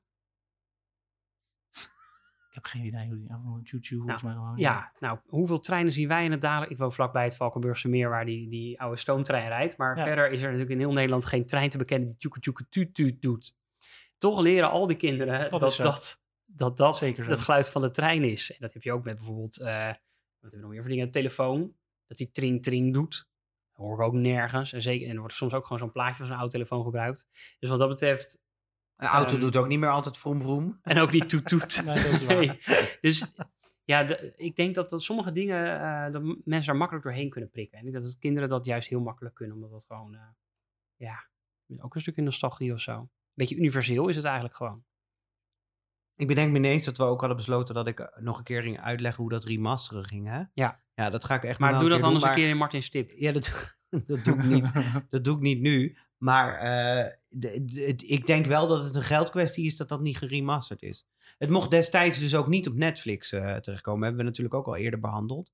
Het mocht niet op Netflix komen, want het was te slechte kwaliteit. Of Netflix nam dat dus niet aan. En dus uiteindelijk heeft Videoland gezegd, ja, we doen het allemaal op Videoland.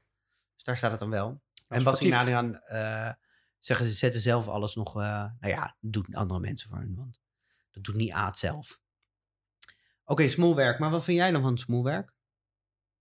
Nou ja, dus toch wel een beetje eh, outdated. Eh, maar die, die nieuwere series zijn volgens mij iets beter nog. Eh, dus eh, vanaf, de, vanaf de opdracht, zeg maar. Ja, als je dan natuurlijk bedenkt dat 1978 de eerste was en in Ja. 1994 of zo de laatste. Er zit natuurlijk ook wel 97. een paar jaar tussen, zeg maar. Er zit, Ja. er zit bijna 20 jaar tussen.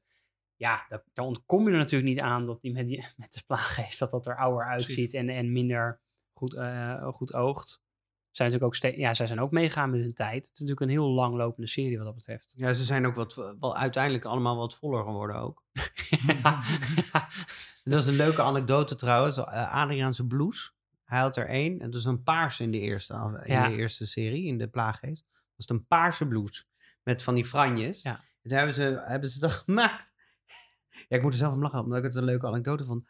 Maar eh, toen hebben ze dus, die, die stof hebben ze van een markt in, volgens mij in Spanje gehaald, geloof ik. Hadden ze hem op een markt gevonden en daar hadden ze dan die blouse van gemaakt. En toen op een gegeven moment na die serie zeiden ze van nou, we moeten misschien maar wat meer van die stof kopen. Want nou, hij begint ook wat langzamer, wat krapper in zijn blouses te komen. Dus misschien moet er wat meer stof komen. Konden ze die stof niet meer vinden van die, ehm, van die blouses van hun. Dus daar hebben ze Oh. gaan, zijn ze gaan kijken naar de be- next best thing. En dat waren dus die lichtblauwe. Daar konden ze nou, meters van Kilometers, kopen. ja. Dus uiteindelijk zijn er volgens mij, heeft hij toegegeven, zijn er vier blouses doorheen gegaan. Maar, maar vier. Maar inmiddels dus hij- heeft hij nog steeds zo'n blouse. En, en zit hij nog steeds in heeft het het gewoon nog steeds aan in dat café, ja, toch? Ja. Ja, als ik zo'n blouse zou hebben, zou ik hem ook elke dag aan doen. snap ik. Ja, het is Hij tijdloos. kan het ook. hebben. Dat is Hij pas kan het hebben, Ja, hij kan het zeker hebben. Wat eh, geef jij voor, eh, voor het smoelwerk? Eh, ik vind een 7, omdat Oh. ik vind dat het eigenlijk gewoon wel nog kan. En ik vergeef ze de, eh, dat het er ouder uitziet. Waarbij natuurlijk die oudste serie, die ziet er echt niet zo goed meer uit. Oké. Oké. Nou, oké. Jij? Eh, Ik ben het wel eens. Zeven. Ik eh, inderdaad nog steeds eh, kun je het kijken. Ik heb het ook met mijn zoontje gekeken. Die vond het ook nog steeds leuk. Vanaf de schatkaart eigenlijk ben ik toen eh, begonnen. Dus eh, ja, volgens mij kan het nog prima. is ook iets nieuwer met Lara. Ja. Die hebben we niet genoemd, de hond. Ik kon voetballen. Ik ehm, zou voor een 6 gaan. Omdat ik het wel echt wat, wat slechter aan het smoelwerk vind. Maar ik ga mee voor de 7 dan. Want dan hebben we weer een goed eindcijfer. 7. Dus dan doen we een 7. Top. Dan. Ons favoriete thema. Ja, inclusiviteit. Hè, worden alle, alle seksuele geaardheden worden die allemaal aangetikt? Eh, is, is elke vorm van eh, mensheid eh, vertegenwoordigd in deze serie? Is er whitewashing of pinkwashing? Of gaat het allemaal wel goed? Ja. Nou, Wil je hem aftrappen? nee, is helemaal jouw kopje dit. Ja. Ja, dit is toch wel lastig, hè? Het speelt niet echt een rol hier, het- zeker. het Gaan we dat weer horen. Ja, dat is een standaard zin. Dan kom maar weer met die bingo kaart. Ja, het speelt hier geen rol. En ehm, ik denk wel dat als je Bassie Naderen in deze tijd zou zetten, dan zou er wel iets meer divers- diversiteit in zitten. Alleen vind ik het bijvoorbeeld wel interessant dat zij, zij zijn expres ook naar het buitenland gegaan om te laten zien dat wij allemaal in het buitenland ook allemaal hetzelfde zijn en hetzelfde willen en dat we hetzelfde, naar hetzelfde streven. Dus wat dat betreft zijn zij, ja, als je dat bekijkt aan diversiteit en inclusiviteit, ze willen ons wel altijd wat leren over, over Nederland, maar ook over de wereld. En ehm, dat vind ik op zich wel inclusief. Maar is de serie inclusief? Ja, dat, dat, dat doet er totaal, totaal niet toe. Je kijkt me heel glazig Nou, ik denk dat hier gewoon niet echt inclusiviteit ook eh, in zit. Dan zou ik dat onder thematiek gooien.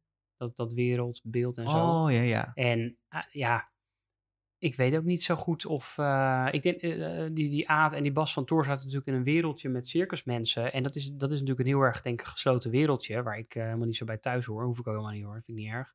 En dat, ja, vanuit dat, die belevingswereld ook die serie geschreven wordt. Ja, en dat, ja, dat is dus minder multicultureel dan dat dat nu zou zijn. Maar ik denk dat... Ik denk niet dat zij dat eruit zouden hebben gelaten als ze de kans hadden gehad. Of als ze daar zich bewuster van waren geweest. Maar het zit er ook echt niet in. Eh, dus als de Indianen worden gespeeld door eh, blanke mannen. Ja, dat, dat is niet zo heel natuurgetrouw. Dus ja, nee, ik vind het niet, eh, niet echt een uitblinker als we het hebben over inclusiviteit. Nee, maar ik... Ja, wat vind jij? Ehm, niet echt, eh, inderdaad, als je echt inclusiviteit eh, zou noemen, dus dat zit er inderdaad niet in. Er spelen ook bijna geen vrouwen in, valt me op, zeg maar. Dus alle... Nou, dus één scène geloof ik, dan ziet, zit Kobe van Toor zit dan achter Bas en Adriaan op het terrasje op Kreta. Dus dat, daar zit wel een keer een vrouw in. Dat is dan zeg maar het enige ook. eh. Ja. Maar goed, het gaat over twee mannen die in het echte leven broers zijn, maar in de serie niet. Die samen in een hele kleine caravan wonen. We hebben natuurlijk het verhaal van Bert en Ernie gezien. Die, hè, achteraf blijkt, blijken die toch wat meer te hebben. Zou dat wel Bastien Adriaan ook niet kunnen? Ja, dat dat het nog zou keer- kunnen, maar seksualiteit speelt geen rol bij Het je. speelt maar er bij Bert niet en Ernie ook niet. Nee, dat is zo, dat is zo, dat is zo. Ja, ja het, zou, het zou, theoretisch gezien zou het kunnen. Dat zou je Ik heb me ook wel kunnen. altijd afgevraagd, maar dat is iets, dit is denk ik misschien niet van mijn volwassen leven, maar ik heb me altijd afgevraagd, hoe kun je twee van die grote mannen in zo'n kleine caravan laten slapen? Maar dat terzijde, want ik er zat nooit een bed, maar dan klappen ze dan dat, dat, dat tafeltje op of zo.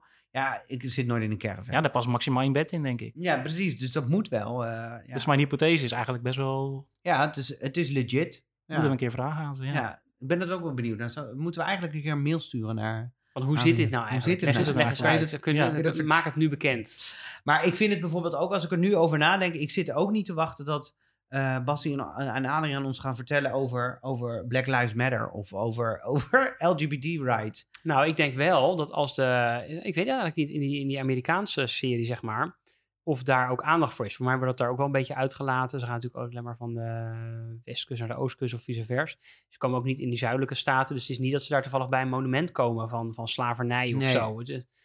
Ik denk ook dat dat best wel een heftig onderwerp is. Maar het verbaast me eigenlijk ook wel dat het er niet stiekem ergens toch voorbij komt. Maar toen speelde dat helemaal nog niet in die tijd. Voor kinderen, dat, dat, dat je dat Nee. uit moet leggen. Dus Nee.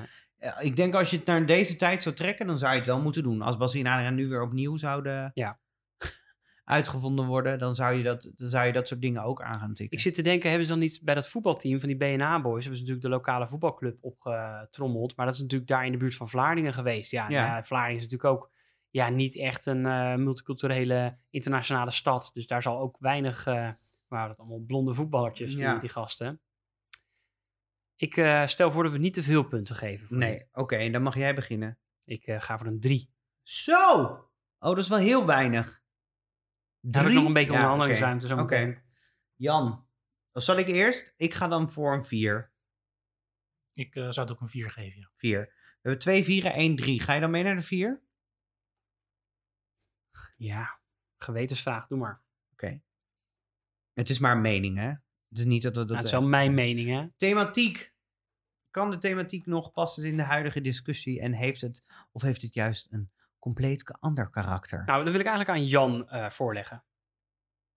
Die neemt net een slok. Ja, die neemt net een slok. Die heeft de hooikorst, springt hem weer in de Ja, ogen. Precies. En, eh, eh, ja, het gaat niet heel lekker met me. Maar ehm, ja, ik denk dat het nog wel kan. Eh, je hebt natuurlijk heel veel eh, leuke liedjes en dingen om, om eh, kinderen iets te leren. Dus ik denk dat dat stuk, eh, dat blijft volgens mij gewoon overeind staan. Nou het stukje over boeven vangen en het avontuur. Een stukje reizen, dat stuk kan allemaal volgens mij prima. Dus ja, ik denk dat dat allemaal nog wel op dit moment nog kan. ja, ik ben dat helemaal met je eens. Ik denk dat, dat hier zoveel... Ja, je vraagt je bijna af, zijn ze ook nog bezig met serieuze dingen? Of met, met gewoon, zeg maar, met het verhaal nog tussendoor? Want ze zijn eigenlijk van educatief weetje naar het volgende educatieve weetje aan het gaan. En allemaal leerzame dingen. Eh, en het- gaat echt van het ene naar het andere door. Eh, en dat vind ik ook wel, net zoals die boeven. Het gaat nooit omdat ze die boeven echt iets aandoen fysiek. Dat is ook niet hun kracht. Maar dat ze ze erin luizen op een eh, slimme manier. Dat vind ik ook wel heel slim. Dus dat kan zeker nog. Dat vind ik ook. Mee. En ik denk dat je heel veel leert. Ik denk dat wij heel veel geleerd, onbewust ook heel veel geleerd hebben hiervan, als we het hebben gezien. Er zitten echt wel dingen in die, eh, gewoon ongeacht of je nou die leren en lachen met Bas en of die eh, de, de reis vol verrassing hebt gezien. Er komen altijd wel dingen voorbij die interessant zijn. Of eh, zo weten we allemaal dat we van druivenpersen in een ton wijn kunnen maken. Dat is heel handig als kind. Ja, maar het zijn wel allemaal dingetjes die je echt wel, denk ik, in je leven meeneemt. Dus Ja. dingen die bijblijven. Dat je denkt, oh ja, er waren, in Ierland hebben ze dus te maken met die ferries. Ja. En dat zijn dus, dat je denkt, oh ja. Oké, Ja. dan weet je niet alles over Ierland, maar ik weet ook verder heel weinig over Ierland anders dan dat, wat ik bij Bas en Adria gezien heb. Ja, precies. Ja, dus ik, eh, ik zeg dat het nog zeker nog kan. Ja, ik ook. Dus ik wil zeker wel voor een 8 gaan. Eens. Acht. Ja, ik wil wel voor een 9 gaan. Ja, nou ben jij ineens zogenaamd. eh, de- Nou, ik vind gewoon dat, dat eh, dit barst van de thematiek. En dat het ook barst van dat dit is gewoon allemaal actueel. En dit is, dit is zo verantwoord om je kinderen denk ik naar te laten kijken. Kijk, bij Paw Patrol, ik haal hem er maar eens bij, daar gaat het over vriendschap en samenwerken. Elke keer. Ja, Eigenlijk ook op dezelfde manier. Probleem, die honden lossen het op. Omdat ze super hip apparatuur hebben. En daar doen ze dus helemaal geen moeite voor. Er is geen karakter of niks voor nodig. Terwijl dat bij Bas en Adrien vind ik dat wel anders. Nou, top. We hebben nu dus... eh, nou, even- ik zie dat jij een foutje maakt, want volgens mij ging Jan voor een 8. Nee, Jan ging voor een 9. Nee, voor een acht. Over een 8. Ja. Sorry Jan. Voor een 8. De eindcijfer, is dat dan een 8? Omdat we twee keer 8 hebben, 1 9? Nou, we kunnen kijken of eh, ik jullie nog naar de 9 om kan kletsen. ja, mij kan je wel omkletsen. Dat gaat heel En makkelijk. je had Jan alvast aangepast, dus... Ja, ik, ik heb geen bezwaar tegen een 9. Het, is inderdaad gewoon eh top, eh, top serie. Oké, ik, eh, normaal hebben we hier het stukje dat we altijd de biggest no-no gaan bespreken. Maar met jullie goedkeuren en aangezien de tijd van de podcast ook doorloopt, wil ik eigenlijk even een ander dingetje introduceren wat hier eigenlijk ook heel belangrijk is. En dat we dat nog heel even aanraken. Is dat goed? Dat we eventjes daar naartoe gaan? Nou, ik heb jullie dus ook gevraagd om een top 3 van jullie eh, favoriete Bassie en Adriaan liedjes door te geven. ja, ja, ja, ja. En eh, daar ben ik eigenlijk Hier wel is even blinde paniek aan deze kant van de tafel.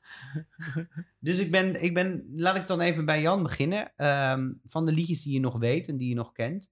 ehm, zijn er liedjes waarvan jij denkt, oh die, dat is me zo bijgebleven, dat vind ik echt fantastisch.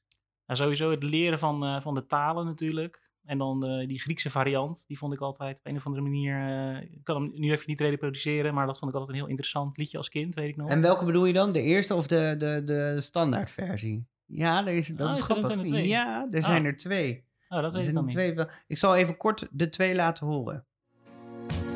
Ena diotria, zo wordt in het Grieks geteld.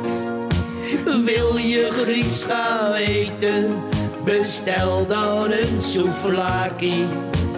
En er is een Griekse dans, en dat is de sirtaki. Kalimera is goeiemorgen, Kalinechta is goeienacht. Klapso, dat is huilen. Jeljo, dat is een lach. Parkalo is alsjeblieft. Evcharisto is dankjewel. Luister heel goed naar dit liedje en je leert het Grieks heel snel. Ja, dit is wel echt geweldig. Ja, dat zijn dus de Ja, twee je versies. dus tussen deze twee. Ja, ja, maar die eerste, die, dat was zeg maar degene die ik Ja. bedoel. Ik vind die tweede, Dat nu ik hoor, denk ik van, oké, ja, super mooi. chill. Maar die eerste is wel... Ja, die tweede, dat is weer een leuke anekdote. Die heb je zeker ook eh, gelezen. dan. Of staat dat niet in het boek? Ik, nou verraad ik dat ik dus niet het hele boek heb gelezen, maar dus wel via YouTube. De- ja, ik heb hem Ja, die helemaal die zat halverwege. Ja, klopt. Die hebben nog niet eind, helemaal uit. Maar ik heb wel de YouTube-serie gezien. Eh, maar, eh, dus ze hebben dus dat nummer... Adriaan heeft dat nummer geschreven. En toen dachten ze... Wat nou als ik voor dat nummer eigenlijk gewoon... dat voor elk land maak... en dan gewoon alleen maar de, het karakter verander van het nummer. Dus in Griekenland klinkt het meer Grieks. In Spanje klinkt het meer Spaans. Nou, sorry, maar dat soort dingen... dat vind ik dus echt heel knap. Eh, dus ze hebben dus meerdere van die versies uitgebracht. Ja. Ja, en dat vind ik knap. Dat je dan dat weet te ver, ver- verkondigen. En dan ook wel onzinwoorden. Want je kan appelmoes bestellen. En eh, Ja. je weet eh, hoe je tot drie moet tellen. Dus je dat het- pom is appelmoes, appelsap. ja, maar dat is echt... eh, ja, dus, maar dat is dus een van je favorieten. Zeker. Ja, dat, dat zijn Waarom dingen Grieks die... dan? Waarom Ja, op een of andere manier is dat een blijkbaar van de serie die ik ook veel toen gekeken heb of Ja, zo. dat zou kunnen, ja. Eh, dat die me gewoon een soort van bijstond. Dat, je die, dat we die altijd aan het zingen waren. En heb je er nog een waarvan je zegt... Oh, dat is Ja, eh, Caribisch Carnaval. Dat is dan zeg maar weer van een latere serie. Maar die vond ik gewoon, eh, die, dat is gewoon een goede. Die is gewoon vibes. Dat is gewoon goed. Dat is deze, toch? Een kokosnoot gevuld met rijst, dat wordt een sambabal. Zo maak je hier met weinig geld Caribisch carnaval. La la, la la, Caribisch carnaval. La la, la la, Caribisch carnaval.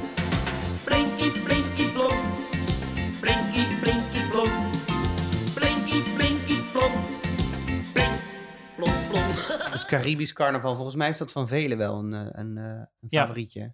Ja, die, eh, dat is gewoon, eh, die kan je ook gewoon in de club draaien, zeg maar. Ja, Dan gaat iedereen los. dat moeten we eigenlijk proberen als de clubs weer open zijn. Ja. Heb jij ondertussen al een... eh, Ja, niet ik heb er mijne drie. noemen. Ik heb er drie. Nee, ik heb, niet mijne noemen. Niet ik heb, doen. Had ik nou maar ja slash nee Oh ja, gezegd? ja, die is die vond ik zo grappig. Nou maar ja gezegd. Ja, in plaats van nee. Had ik nou maar ja gezegd. Dan riep jij hip hip hip hoeré. Had ik nou maar ja gezegd. Maar jij zei nee voordat je het wist.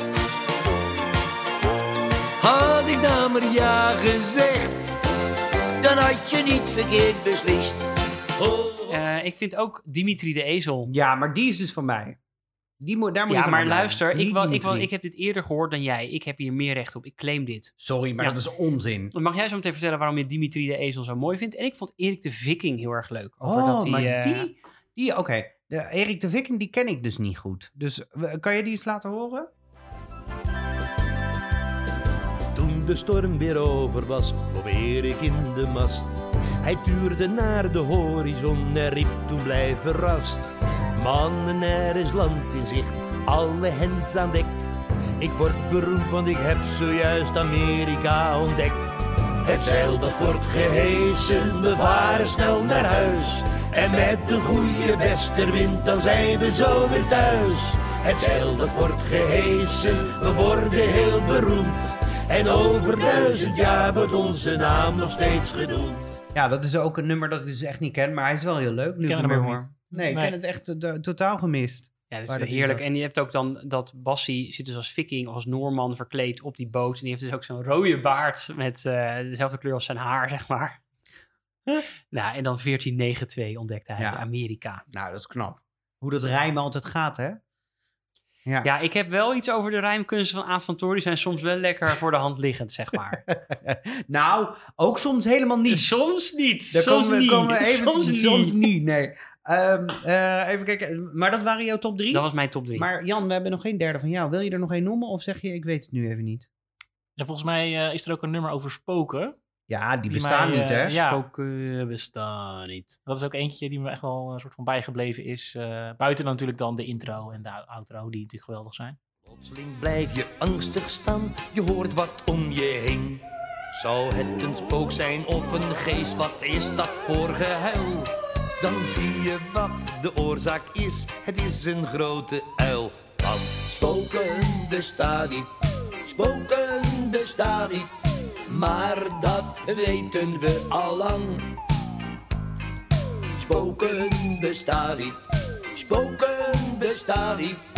Daarom zijn we ook niet bang. Eh, ja, spoken bestaan niet. Spoken bestaan niet. Dat is ja. ook weer zo'n ding eh, van leren om... eh, Nou, ik Zeg dan nou wel eens als mijn kinderen bijvoorbeeld bang zijn, dan zeg ik, nou, spoken bestaan niet. En dan, dan gooi je dat er toch een beetje in. Ja. Dat soort thema's, ja, ja, dat is ook wel weer om te leren dat het niet echt, eh, echt zo is. denken we.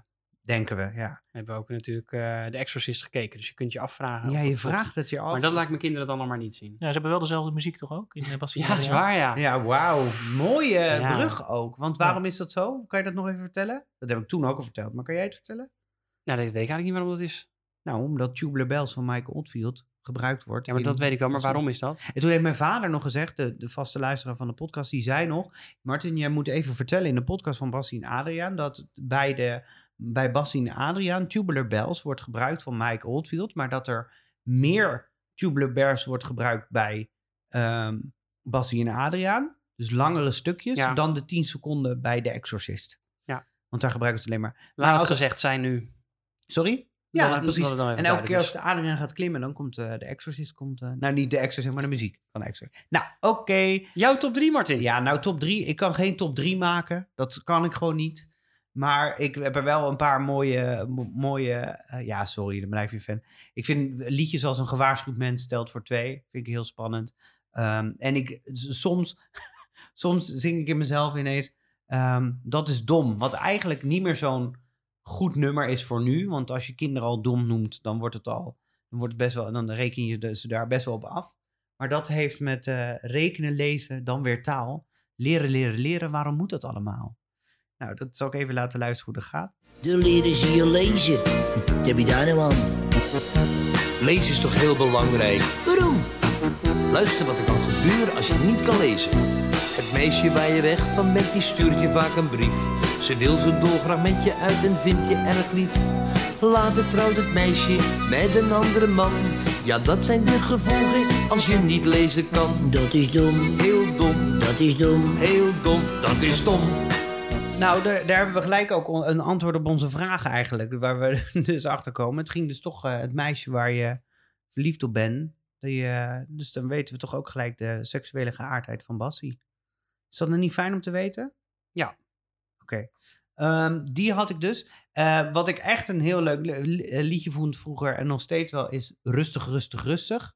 Ken je die nog? Hou rustig, kalm en stil. Precies. Span je nou en rustig. Ik ben rustig, rustig, rustig. Ik ben rustig, kalm en stil. Ik ben rustig, rustig, rustig. Ik ben rustig. Goed zo, en nu met z'n tweeën. Wees rustig, rustig, rustig. Wees rustig, kalm en stil. Wees rustig, rustig, rustig. Wees rustig, kalm en stil. En nu met Robin erbij. Wees rustig, rustig, rustig. Wees rustig, kalm en stil. Wees rustig, rustig, rustig. Wees rustig, kalm en stil. Wees rustig, rustig, rustig. Wees rustig, kalm en stil. Wees rustig, rustig, rustig. Wees rustig, kalm en stil. Ja. En dan komt natuurlijk wel mijn allerfavoriet. Klik, klak. Nee, klikken, klak, klikken, klak is het. Klikken, klak. Eh, Dimitri de Ezel. Maar waarom is dat nou mijn favoriet? Ja, ik moet dat wel even uitleggen. Want dit is, echt, dit is echt een vraag waar ik al, denk ik, al, nou, jaren mee rondloop om die ooit eens te sturen naar Toor. Maar ik denk wel op een gegeven moment, ja, je moet het toch wel gaan sturen. Want ja, eh, als je nog vijf jaar wacht, dan heeft het misschien geen zin meer. Niet dat ik het hoop, maar bij wijze van. Dus dit is een vraag. De, van alle liedjes, die hebben allemaal een soort educatieve waarde. En die hebben allemaal, daar zit een, daar zit een diepere boodschap in. En dit liedje, Dimitri de Ezel, ik zal even een stukje laten horen. een dag zei zijn baas: Ik pik dit niet meer langer. Hij zette luie Dimitri op een boot naar Tanger. Daar kreeg hij werk en met dat werk is Dimitri heel blij. Hij hoeft daar maar alleen te staan op een kinderboerderij. Nou hoor je zeker s'nachts geen kliklak meer door de stad. Ja hoor, Bassie, dat hoor je nog elke avond. Wie doet dat dan? Klik-klak, klik-klak, klik-klak, klinkt het s'avonds laat in Tira. Klik-klak, klik-klak, klik-klak, het is de ezelin Helena. Zij doorzoekt elke avond het eiland Santorini. Maar hoe grondig zij ook zoekt, zij vindt haar Dimitri niet. Maar hoe grondig zij ook zoekt, zij vindt haar Dimitri niet. Dat is toch zielig? Het is wel inderdaad aandoenlijk, ja. Hè, voor die ezel. Actuele thematiek. Nou, ik vind, ik ben dus echt benieuwd, wat, wat dacht Aad van Toor of de, de, wat dachten zij van, we gaan nu zo'n zielig liedje over een heartbroken stijl. Nou, misschien is het wel een waar gebeurd verhaal. Ja, niet dat, dat, Dat echte Ja, ja, ezels. dat dat, eh, dat het gebaseerd is op een, een, eh, een Griekse mythe of zo. Nou, en dat wil ik dus heel graag weten. Dus ik ga, nu besluit ik echt ook, ik ga na deze aflevering, ga ik hem, ga ik Aad van Toor een, proberen een bericht te sturen met deze podcast erbij. Dan weet hij in ieder geval dat jullie het met me eens zijn en dat ook willen weten. Dat zeg ik nu gewoon. En dan gaan we gewoon deze vraag stellen. Dan vragen we of hij antwoord of verduidelijking daarop kan geven. Dat we een heel groot fan van ze zijn, maar dat Dimitri niet kan. Nou, even wat, wat positievers. Heb jij nog wat leuke weetjes voor ons? Hebben jullie nog wat, wat leuke dingen die ik nog niet wist? heel veel dingen al aangetikt, denk ik. Heb jij nog dingen waarvan je zegt, Nee, oh, ik dat heb ik geen, nog even... eh, geen gekke weetjes nog eh, waarvan ik nu denk van, oh, die moet ik eventjes eh, vertellen. Nee. Weet jij er nog een paar? Ja, ik vond het grappig dat de vrouw van Aad van Toor eh, de stem doet van, eh, van Robin. Ehm, ja, en als je, ja, dat- ik ga nou nog een keer zeggen over dat boek, maar als je dat boek leest en als je dan nog eens een keer terugdenkt aan eh Bassie en Adriaan, dan is het echt nooit meer hetzelfde. Je hebt echt veel meer respect voor de serie dan die we nu al hebben, Ja, als want je dat boek hebt gelezen. Bassie heeft een boek uitgebracht, dat heet Allemaal Magisch. Ja, dat is gewoon allemaal is een- columns. dat zijn allemaal columns van hem. Maar Adrian heeft een, een boek eh, eh, gemaakt, dat heet Moe, ik kan een salto. 25 jaar lang acrobaat, 25 jaar lang... Wat was het ook alweer? Eh, was hij een acrobaat en daarna speelde hij een acrobaat? Of ja, zoiets ja. zo- 25 jaar lang acrobaat gespeeld. En dan, en wat en ik daarbij wel mooi vind, is dat je natuurlijk al die heisa hebt gehad over dat, ehm, eh, dat ze elkaar een teringleier vinden en zo. Dat in de tijd dat Aad van Toor ziek was, dat, dat eh, die band helemaal vernietigd was. Maar ik vind dan toch wat hij vertelt in dat boek vind ik een stuk geloofwaardiger. Ik heb daar sowieso nooit zoveel over gevonden of partijen in gekozen. Of jij bent, ben je kant van Bassie of ben je weer de kant van Adriaan? Dat eh, ja, als jij natuurlijk zo ziek bent, dat je natuurlijk helemaal niet in staat bent om super gezellig te doen met je broer. Als dat, nou, ik vond dat allemaal wel heel verhelderend. En vooral ook hoeveel werk zij er gewoon aan hebben gehad om dit tot iets moois te maken. Nou, dat maakt wel dat je denkt van nou, ik zet toch die videoband nog eens een keer aan voor mijn kinderen. Ja, absoluut. En eh, dat boek, eh, die kan je dus ook kopen online. En ehm, dat is ook wel heel leuk. Er zijn nog een, eh, andere weetjes om voor de mensen, los van de weetjes van de serie zelf. Hoe kan je nou, stel dat je denkt, mijn interesse in Bassie en Adriaan is toch weer gewekt. Wat kan je dan allemaal doen? Nou, daar heb ik wat dingen voor opgezocht. Want je kan namelijk best wel veel kijken of doen. Want ehm, sowieso kan je alles terugkijken. Als je een Videoland-account hebt, kan je alles terugkijken op Videoland. Daar staat eh, het grootste gedeelte van alle Bastianiaan staat daarop. Nou, dat is leuk, toch? Zeker. Ik gebruik het eh, regelmatig nog steeds. Nou, precies. En, eh, want jij, ja, je kijk, kijk je het via Videoland dan ook? Ja. Oh, slim. Eigenlijk, ja. Oh, logisch.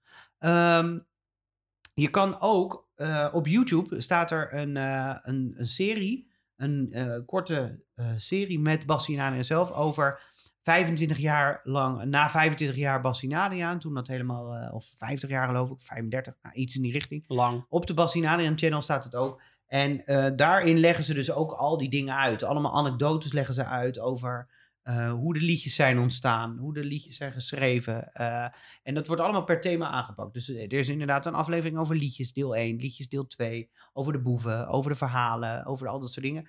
Allemaal in een aflevering van 10 minuten ongeveer. Hartstikke leuk om te kijken, om, om daar ook wat meer insight over te krijgen. Heb je dan nog niet genoeg? Dan kan je nog het haar Museum van Vlaardingen. En daar draait momenteel eh, de, of draait, daar is momenteel de eh, tentoonstelling Bassie en Adriaan eh, te bekijken. En daar staan alle props uit de, eh, uit de serie en uit de films. Alles wat ze ontvangen hebben. Ook de hele geschiedenis kan je daar zien. De 24 pakken die Adriaan heeft gehad, geloof ik. En als je geluk hebt, en dat weet ik niet inmiddels, maar als je geluk hebt, dan kan het nog maar zo zijn dat Aad van Toor daar zelf ook rondloopt tegenwoordig nog. Ja, die is dus niet meer zo vaak in Spanje. En dan komt hij naar Nederland. Hij vindt het heel leuk om in het museum rond te lopen om mensen anekdotes te vertellen over de serie en over, over de film. Dus eh, wat ik dan wel altijd een beetje jammer vind, is dat heel veel mensen zeggen: het heeft ook wel iets versneuigs dat die man nog steeds in zijn blouse loopt en, eh, en zo achter die carrière aanloopt. Maar aan de andere kant, ze hebben nooit echt een afscheid gehad. Eh, er is nooit een, Oh ja, want hij was toen eh, te ziek of ziek tijdens de afscheidsdingen, toch? Tijdens, nou, voor de, vlak voor de afscheid er was de, de live shows en toen werd hij dus heel erg ziek. Ja. Eh, en toen konden ze dus nooit een afscheid geven. En in 2015 hebben ze nog wel de film Kate en Koen. eh, volgens mij Kate en Koen. En de eh, speurtocht naar Bas en dan zouden Kate en Koen zouden officieel de nieuwe Bas en Adriaan worden. Is nooit van de grond gekomen. Maar dat was eigenlijk de afscheidsfilm voor Bas en Adriaan. Ja, dat is ook niet goed, eh super goed ontvangen. Dus ja, of je het sneuig vindt of niet, ik vind het eigenlijk maar gewoon. Ik vind het eigenlijk prachtig om te zien dat twee mensen zo houden van een, een franchise die ze zelf op hebben gebouwd. Ehm, en dat ze daar dus ehm, nou, alles ook aan doen om dat eh, te behouden. Zeker. Ik heb denk ik te genoeg hierover gezegd. Heb jij nog iets, Sander? Nee, ik eh, ben eh, heel tevreden met alles wat gezegd is. Jan, wil jij nog een laatste afscheid nemen? Nee, eh, bedankt dat ik er mocht zijn. Ik vond het onwijs leuk. Wat vond je ervan? Nee, echt superleuk. Ja? Ja, en ook goed om weer eh, toch nog wat meer te leren over Bassie en Adriaan. Hè? Dus dan Ja, weet want je raakt nooit uitgeleerd. Ja, je raakt niet uitgeleerd. Hè? Dus Nee. eh, Zelfs een elke keer zie je iets podcast, nieuws. Ja, en zelfs een podcast van Bas Adriaan is nog educatief. Ja, ja, ja. Voor nu dankjewel Jan dat je aan wilde schuiven. ja gezellig dat je erbij was. Leuk. En ik ben heel benieuwd eh, wat de me- mensen er ook van gaan vinden. Ehm, Sander, jij ook weer bedankt voor deze week. Nou, dan wil ik ook graag jou bedanken, Martin. Ja, graag gedaan. voor je tomeloze inzet. wil jij dan alsjeblieft aankondigen wat we volgende week gaan Ja, doen? wij gaan. En wat er ehm, speciaal aan je, is. kunt het, je kunt het beluisteren via je favoriete podcast-app. Eh, daar is het gratis te beluisteren. Tenzij je een betaalde app hebt, dan kost die geld. En ja, dat is dus ten, ten tijde van nu was die eh, gratis te luisteren. Eh, ja, het is een, eh, een serie die mij eh, zeer na aan het hart staat. Hij is niet zo heel oud. De meeste van ons die hebben dit gewoon bij Goede Gezondheid en Leven... hebben die dit allemaal mee kunnen luisteren. Maar wij gaan de volgende aflevering voor jullie... het afgelopen seizoen van Terugspoelen... Terugspoelen.